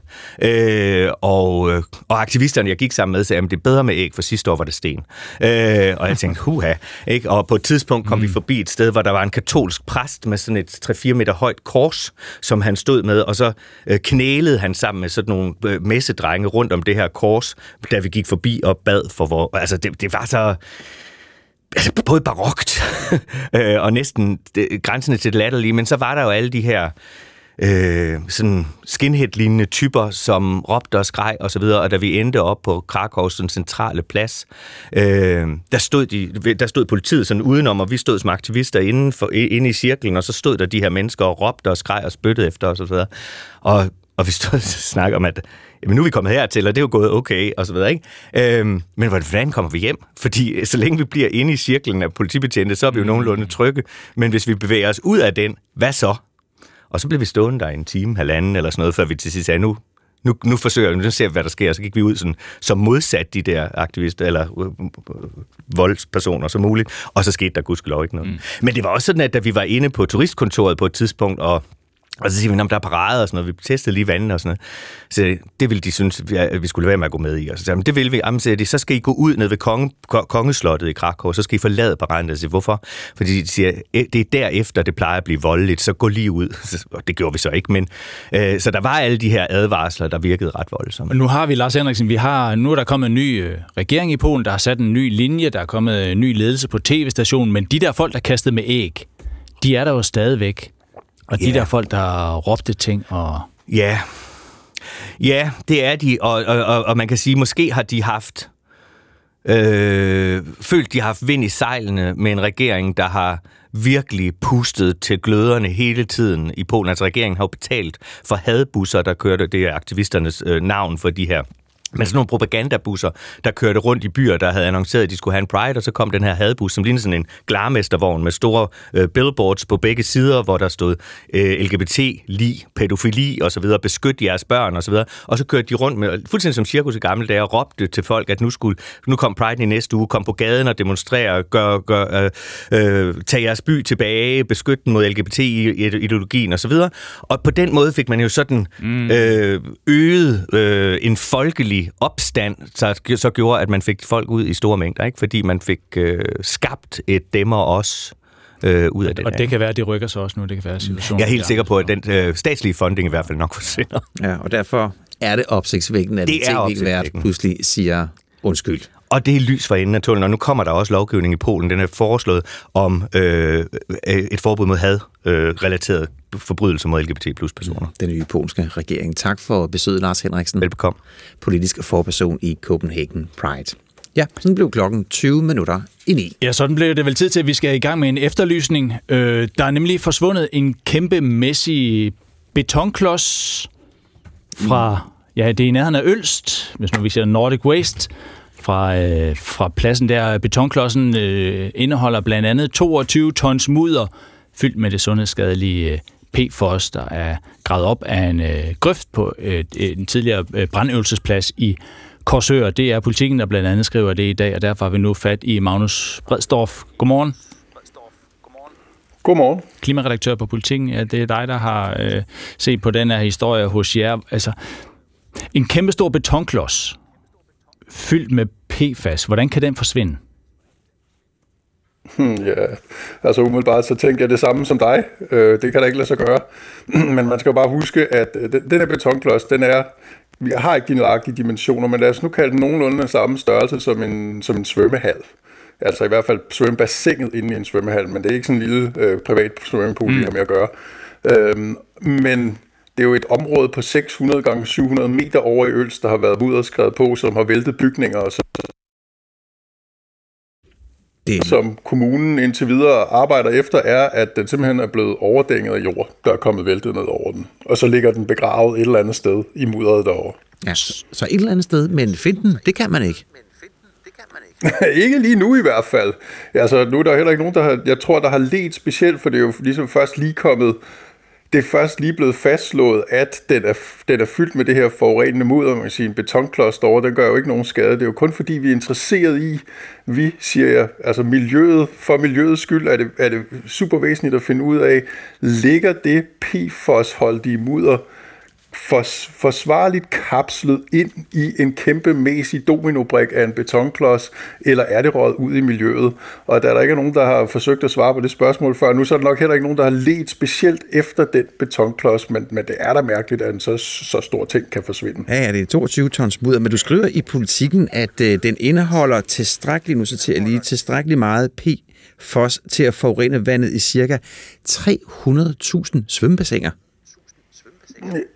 Ja, og det er jo fordi PFOS er sundheds- og miljøskadeligt i ekstremt små koncentrationer, så grænseværdien er helt ufattelig lav. Øh, og, øh, og så kan man sige, hvis, hvis alt det her slap ud i vandmiljøet, så ville, så ville det så kunne forurene de her cirka 300.000 bassiner. Øh, jeg tror at mest, jeg lavede det regnstykke bare for at sige, at selvom to, 22 tons ikke er meget, når der er kørt millioner af tons jord, affald, minksand, boremudder, spildevandsslam på derovre i Ølst, så, øh, så er den her det her PFAS er så skadeligt, så det kan forurene en ganske anselig mængde vand, og det er jo derfor, vi prøver at finde ud af, hvad pokker er der egentlig sket med det. Og du har aldrig, Magnus Vel, du har aldrig set det her kar, eller bassin, eller betonklods, eller hvad vi nu kalder den, men, men du, du har talt med en journalist fra Randers Amtsavis, øh, der besøgte området i oktober 2021. Hvad var det for et besøg? Jamen, det var et besøg, hvor hun fik en rundvisning, journalisten derover af øh, den daværende direktør, der hedder David York, som, som fortalte hende, at han var super glad for, at de havde overtaget en fabrikshal, inklusiv fundamentet og det her øh, bassin, fordi den kunne bruges netop til at lære noget af det materiale, som de gerne ville rense for forurening. Og på det tidspunkt, hvor hun var derovre, der så hun det som en åben swimmingpool, om du vil. Altså et, et, et stort åbent bas, betonbassin, hvor i der, der stod vand nede på bunden. Hun kunne ikke se, hvor dybt man kunne bare se, at der stod vand, og, og Randers Amtsavis tog et billede af det, som de siden har bragt igen. Øhm, men men øh, det, det, hun ikke fik fortalt, var selvfølgelig, at det vand, det så indeholdt en af verdens farligste miljøgifte. Mm. Så, øh, ja, altså, man ved næsten ikke, hvad man skal sige, vel? Hvad synes du, det siger, Magnus Bredstorff, om håndteringen og sagen, også hvor den står nu? Altså, vi kan godt kalde det katastrofen med Nordic Waste. Jeg, jeg ved, jeg ikke selv egentlig så meget for ordet katastrofe, ikke, ikke miljøkatastrofe i hvert fald, for det vil kræve, synes jeg, at det omgivende miljø netop var blevet forurenet, og, og det er der egentlig ikke noget, der tyder på nu, slet ikke hvis det her PFOS rent faktisk ligger indkapslet i en betonklods. Men jeg kan da sige, hvad, hvad politikerne over i Randers synes. De synes nemlig, at Nordic Waste troværdighed er helt, helt i bund, og det skyldes, at Nordic Waste havde taget nogle prøver og sendt ind til kommunen, og det er først et år efter kom frem, at de prøver, og de prøver viste, at der slet ikke var noget PFOS tilbage, men det viste sig, at de prøver, som Nordic Waste havde taget, øh, de, de var taget på en rampe, der ledte ned til det her betonkar. På rampen havde efterfølgende ligget noget andet jord, så det var i virkeligheden det andet jord, de havde målt på. Og det gør jo ikke Nordic Waste troværdighed i den her sag særlig høj, og derfor har nogle politikere i Randers foreslået, at øh, de skal meldes til politiet, fordi hvis, der, hvis det her var, var sket bevidst, og det, det har jeg altså absolut ingen beviser på, men hvis mm. det er sket bevidst, så vil det have kæmpestor betydning for en efterfølgende erstatningssag, hvis, hvis det, der ligesom er nogen i Nordic Waste, som bevidst har svindlet med prøverne, hvilket igen, det har jeg ikke nogen. Men fordi sagen er så mærkelig, så, så er der nogle politikere, der mener, at det må være på tide at komme ind og få, og få politiet til at komme ind og kigge på det. Magnus Bredstorff, tak for det. Ja, tak fordi jeg måtte være med. Klimaredaktør på Politiken.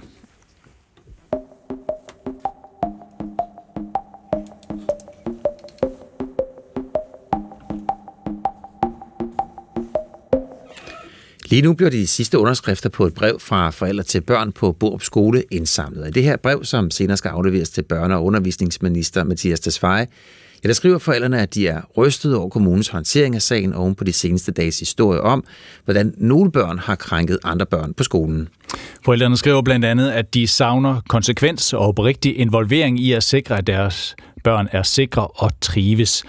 En af de bekymrede forældre, øh, der allerede har skrevet under på brevet, er Christina Nielsen der må være et eller andet knæk i lovgivningen i sted, øh, hvis det her det kunne lade sig gøre, og, de, og, og kommunen bare vasker deres hænder rene, kan man sige. Så det er et budskab om, at kommunen slipper for let, som det er nu, eller hvordan? Ja, det kan man sige. Altså, altså der, der, der er så mange, der bare, øh, når politiet, når de gør ikke noget, og forvandling, de gør ikke noget. Alle de vasker bare deres hænder rene. Jamen, hvad fanden, det kan da ikke, det kan da ikke være rigtigt. Og I skriver blandt andet i brevet, vi savner konsekvens. Hvad, hvad er det for, for konsekvens, I savner? Jamen altså, der, der skal jo ske et eller andet. For eksempel sådan en som ledelsen øh, burde jo helt sikkert stå af nu. Altså, de burde, øh, de burde gå af, og så skal der jo selvfølgelig også ske noget. Øh, altså skole, skolelederen, ja, skoleledelsen? Ja, ja. ja. De, de burde øh, takke af for nu, synes jeg. Øh, og så øh, er han heldigvis også blevet politianmeldt, øh, hvilket jeg også synes er helt på sin plads. Øh, og så, så tænker vi også, at der skal jo ske noget med, med de her børn, ikke? Altså øh, de, de børn, der har krænket? Ja, ja, undskyld, ja. Andre, hvad skal der ske med dem? Jamen altså, de skal jo ud og have et, et nyt dagtilbud. De skal jo ud og have noget hjælp. Og, øh, og de, de, altså tydeligvis så, så er Borup skole jo ikke den rette for dem. Mm, så de skal ud af skolen? Det skal de, ja. Over til noget andet. Det er også det, ja. I, I vil med brevet. I, ja. I, men I kritiserer også i brevet, blandt andet, at I ikke kan få oplyst, om de børn, der angiveligt har krænket andre børn, er stoppet på skolen eller skal flyttes, øh, ja. eller er blevet flyttet til en anden skole eller et andet tilbud. Ved I ikke det? Nej, det ved vi ikke. Altså umiddelbart nu her, der ved vi jo, at de stadigvæk øh, dukker op øh, på skolen hver dag og, øh, og sidder i, i samme klasse som dem, de endda har krænket. Øhm, og det er jo også det, der er dybt frustrerende, at vi ikke, jeg er sådan set ligeglad med, hvor det er, de skal hen, og, og sådan, jeg, jeg skal bare vide, at de ikke øh, dukker op på skolen igen. Men hvis I ikke ved det, så kan det jo være, at de faktisk er stoppet eller flyttet. Det er de ikke. Til, det er de ikke? Det er de ikke, nej. Så, så det ved du? Ja, det ved jeg faktisk godt, ja. okay, så, så hvad er, hvad, så forstår jeg ikke det der kritikpunkt, der hedder, at I ikke kan få oplyst, om de er der, eller om de ikke er der, når I godt ved? Altså, vi har jo behov for at vide, altså, hvad skal der ske nu? Altså, nu øh, Køge Kommune, de har, vi har jo ferie fra næste uge af. Kommer de efter ferien? Altså, der er ikke nogen, der kan oplyse os om, hvad skal der reelt ske? Er der en eller anden handlingsplan for dem? Vi får kun at vide, at nu bliver mm. der sat ekstra pædagoger på vores børn, og ekstra gårdvagter og sådan noget, men det er jo ikke det. Det er jo ikke det, reelt problemet er. Og der bliver sat psykologer ind. Hvad fanden skal vi bruge det til? Det vel til at hjælpe børnene? Ja, men øh, altså, jeg snakkede med, med en mor, øh, hvis øh, søn har været ude for noget, hvor hun siger, øh, nu kan du få lov til at snakke med en psykolog, som der kan hjælpe dig. Ja, men kan, kan hun så hjælpe mig med ikke at være bange for den og den? Mm. Altså, det skærer jo lidt i hjertet, ikke? at vores børn skal gå bange i skole. Grunden til, at de ikke som forældre får sådan en, en helt fuldstændig præcis udmelding fra skolens ledelse, er vel, ja, hvad skal vi sige, af hensyn til de børn, der angiveligt står bag det her. Er det ikke også rimeligt, at der bliver taget et eller andet slags hensyn til dem? Jo, selvfølgelig skal der også tages hensyn til dem.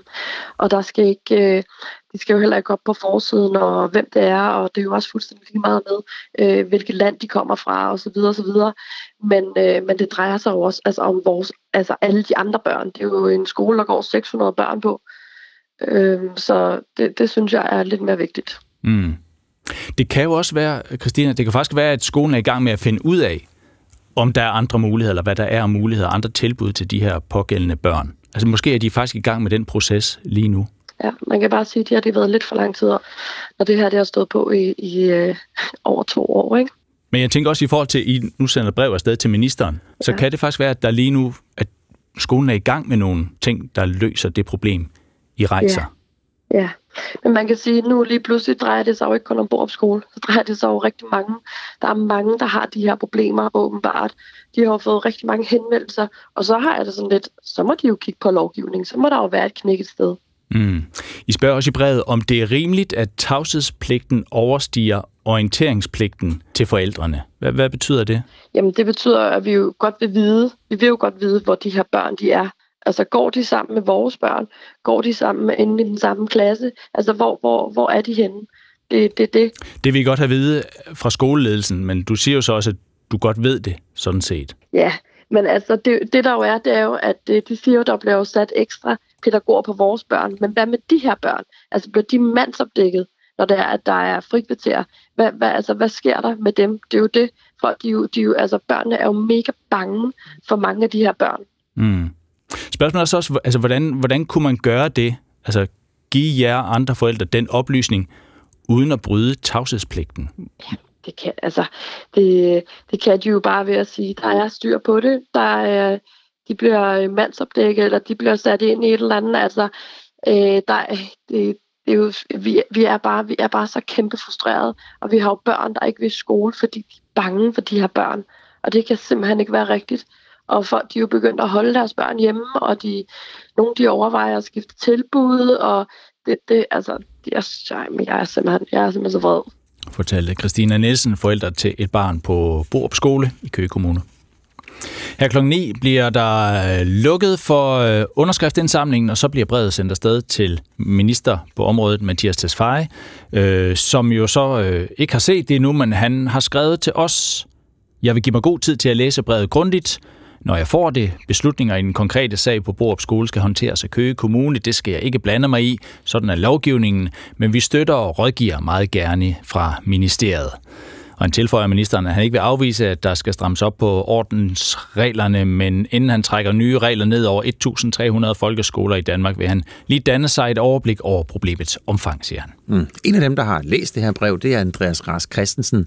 Han er forskningschef via University College, Forskningscenter for Pædagogik og Dannelse.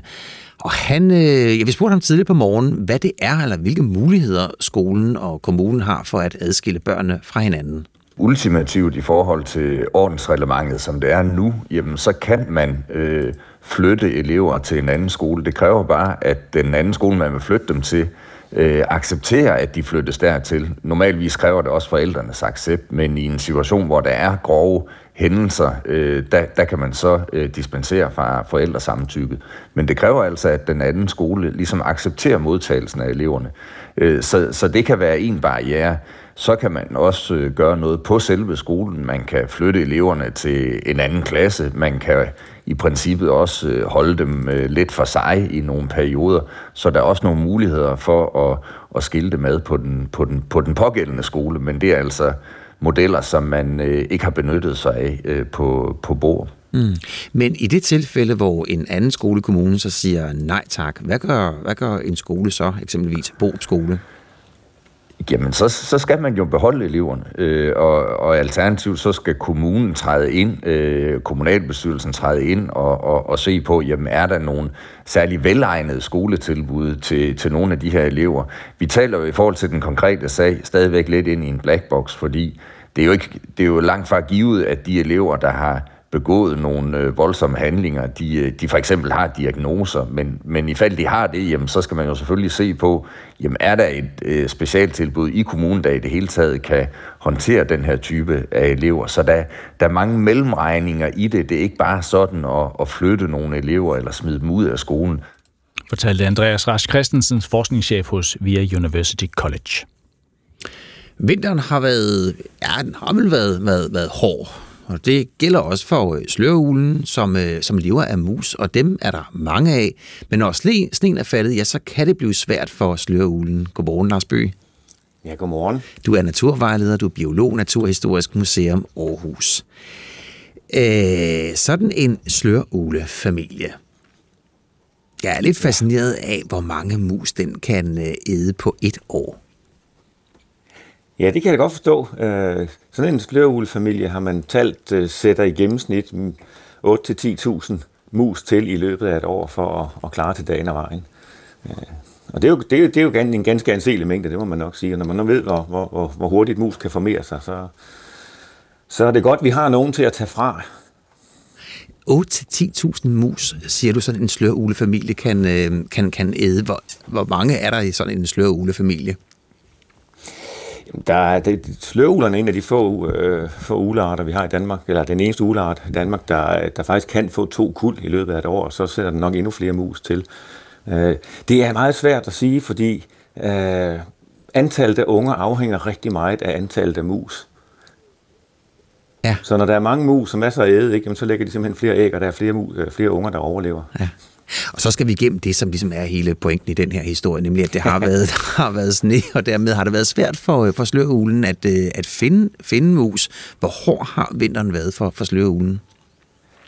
Altså det, det, det ser vi jo først her, når, øh, når vinteren den har sluppet sit greb, og, der, og dem, der tæller uler, de, øh, de har fået sat med, gjort med antal over dem. Men indgangen til vinteren, den, der var frygten i hvert fald, at, at med den start, vi havde, så, så, så toller det virkelig hårdt i sløreulerne.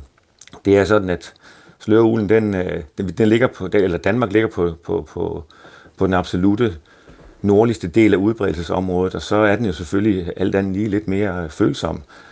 Uh, og så kan den ikke, den kan ikke ophobe fedtlag, ligesom så mange andre kan, inklusiv os selv, ikke? Som vi, vi kan jo godt gå, gå en hård vinter i møde her og lægge lidt fedt til, og så kan vi jo tage lidt på sulet. Det kan sløvhulen altså ikke, så den skal jo altså æde hele tiden for at holde maskinen kørende. Um, og nu, hvis jeg bare kigger ud, øh, ud omkring mit lille pastorat her, ikke? Så, så har der jo godt nok været meget lange perioder med meget sne. Og det dur simpelthen ikke, når man er sløreugle, fordi hvis der ligger mere end sådan en, en, en 7-8 cm sne, så kan den ikke fange musene. Og når den skal have mus hver dag, fordi den ikke har noget fedt at tære på, jamen så er den altså hurtigt prisgivet. Men hvis nu, man, hvis nu man er et sted, hvor der er mus, og man er lidt træt af de mus, så kunne det være godt, hvis man kan lokke sløreulen til på en eller anden måde, Lars Bøge. Kan man det? oh, ja, men øh, man kan jo gøre et forsøg. Altså, sløreuler, de, øh, de, skal, de, skal, de yngler stort set kun i opsatte redekasser her i landet. Det er cirka 90 procent af bestanden. Det er, det er opsatte redekasser, og det er indendørs i lade, lader og udhuse. Og så skal den ud og have nogle eng- og mosearealer og jage mus på. Så hvis man, hvis man bor i nærheden af sådan noget og har en tom lade, ikke, jamen så kan man godt uh, gå ind på og google sig til en opskrift på en slørulekasse og sætte den op. Det kræver jo, at der er slørule, andre sløreuler et eller andet sted i, uh, kald det nabolag, i hvert fald inden for, for rækkevidde, så de kan sprede sig. Men, men det er jo i hvert fald helt centralt, at man, man har et sted at yngle. Ja, det var, øh, det var, det var naturen. Tak til, til dig, Lars Bøge. Jamen, selv tak. Og altså øh, naturvejleder. Naturhistorisk Museum i, øh, i Aarhus, og det er, Ole, det må man da sige, altså 8-10.000 mus for sådan en familie. Mm.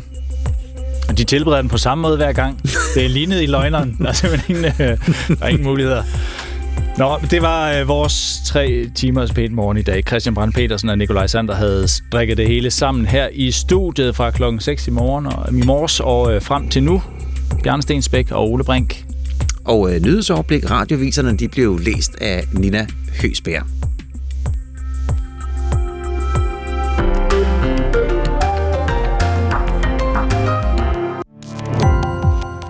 Gå på opdagelse i alle DR's podcast og radioprogrammer. I appen DR Lyd.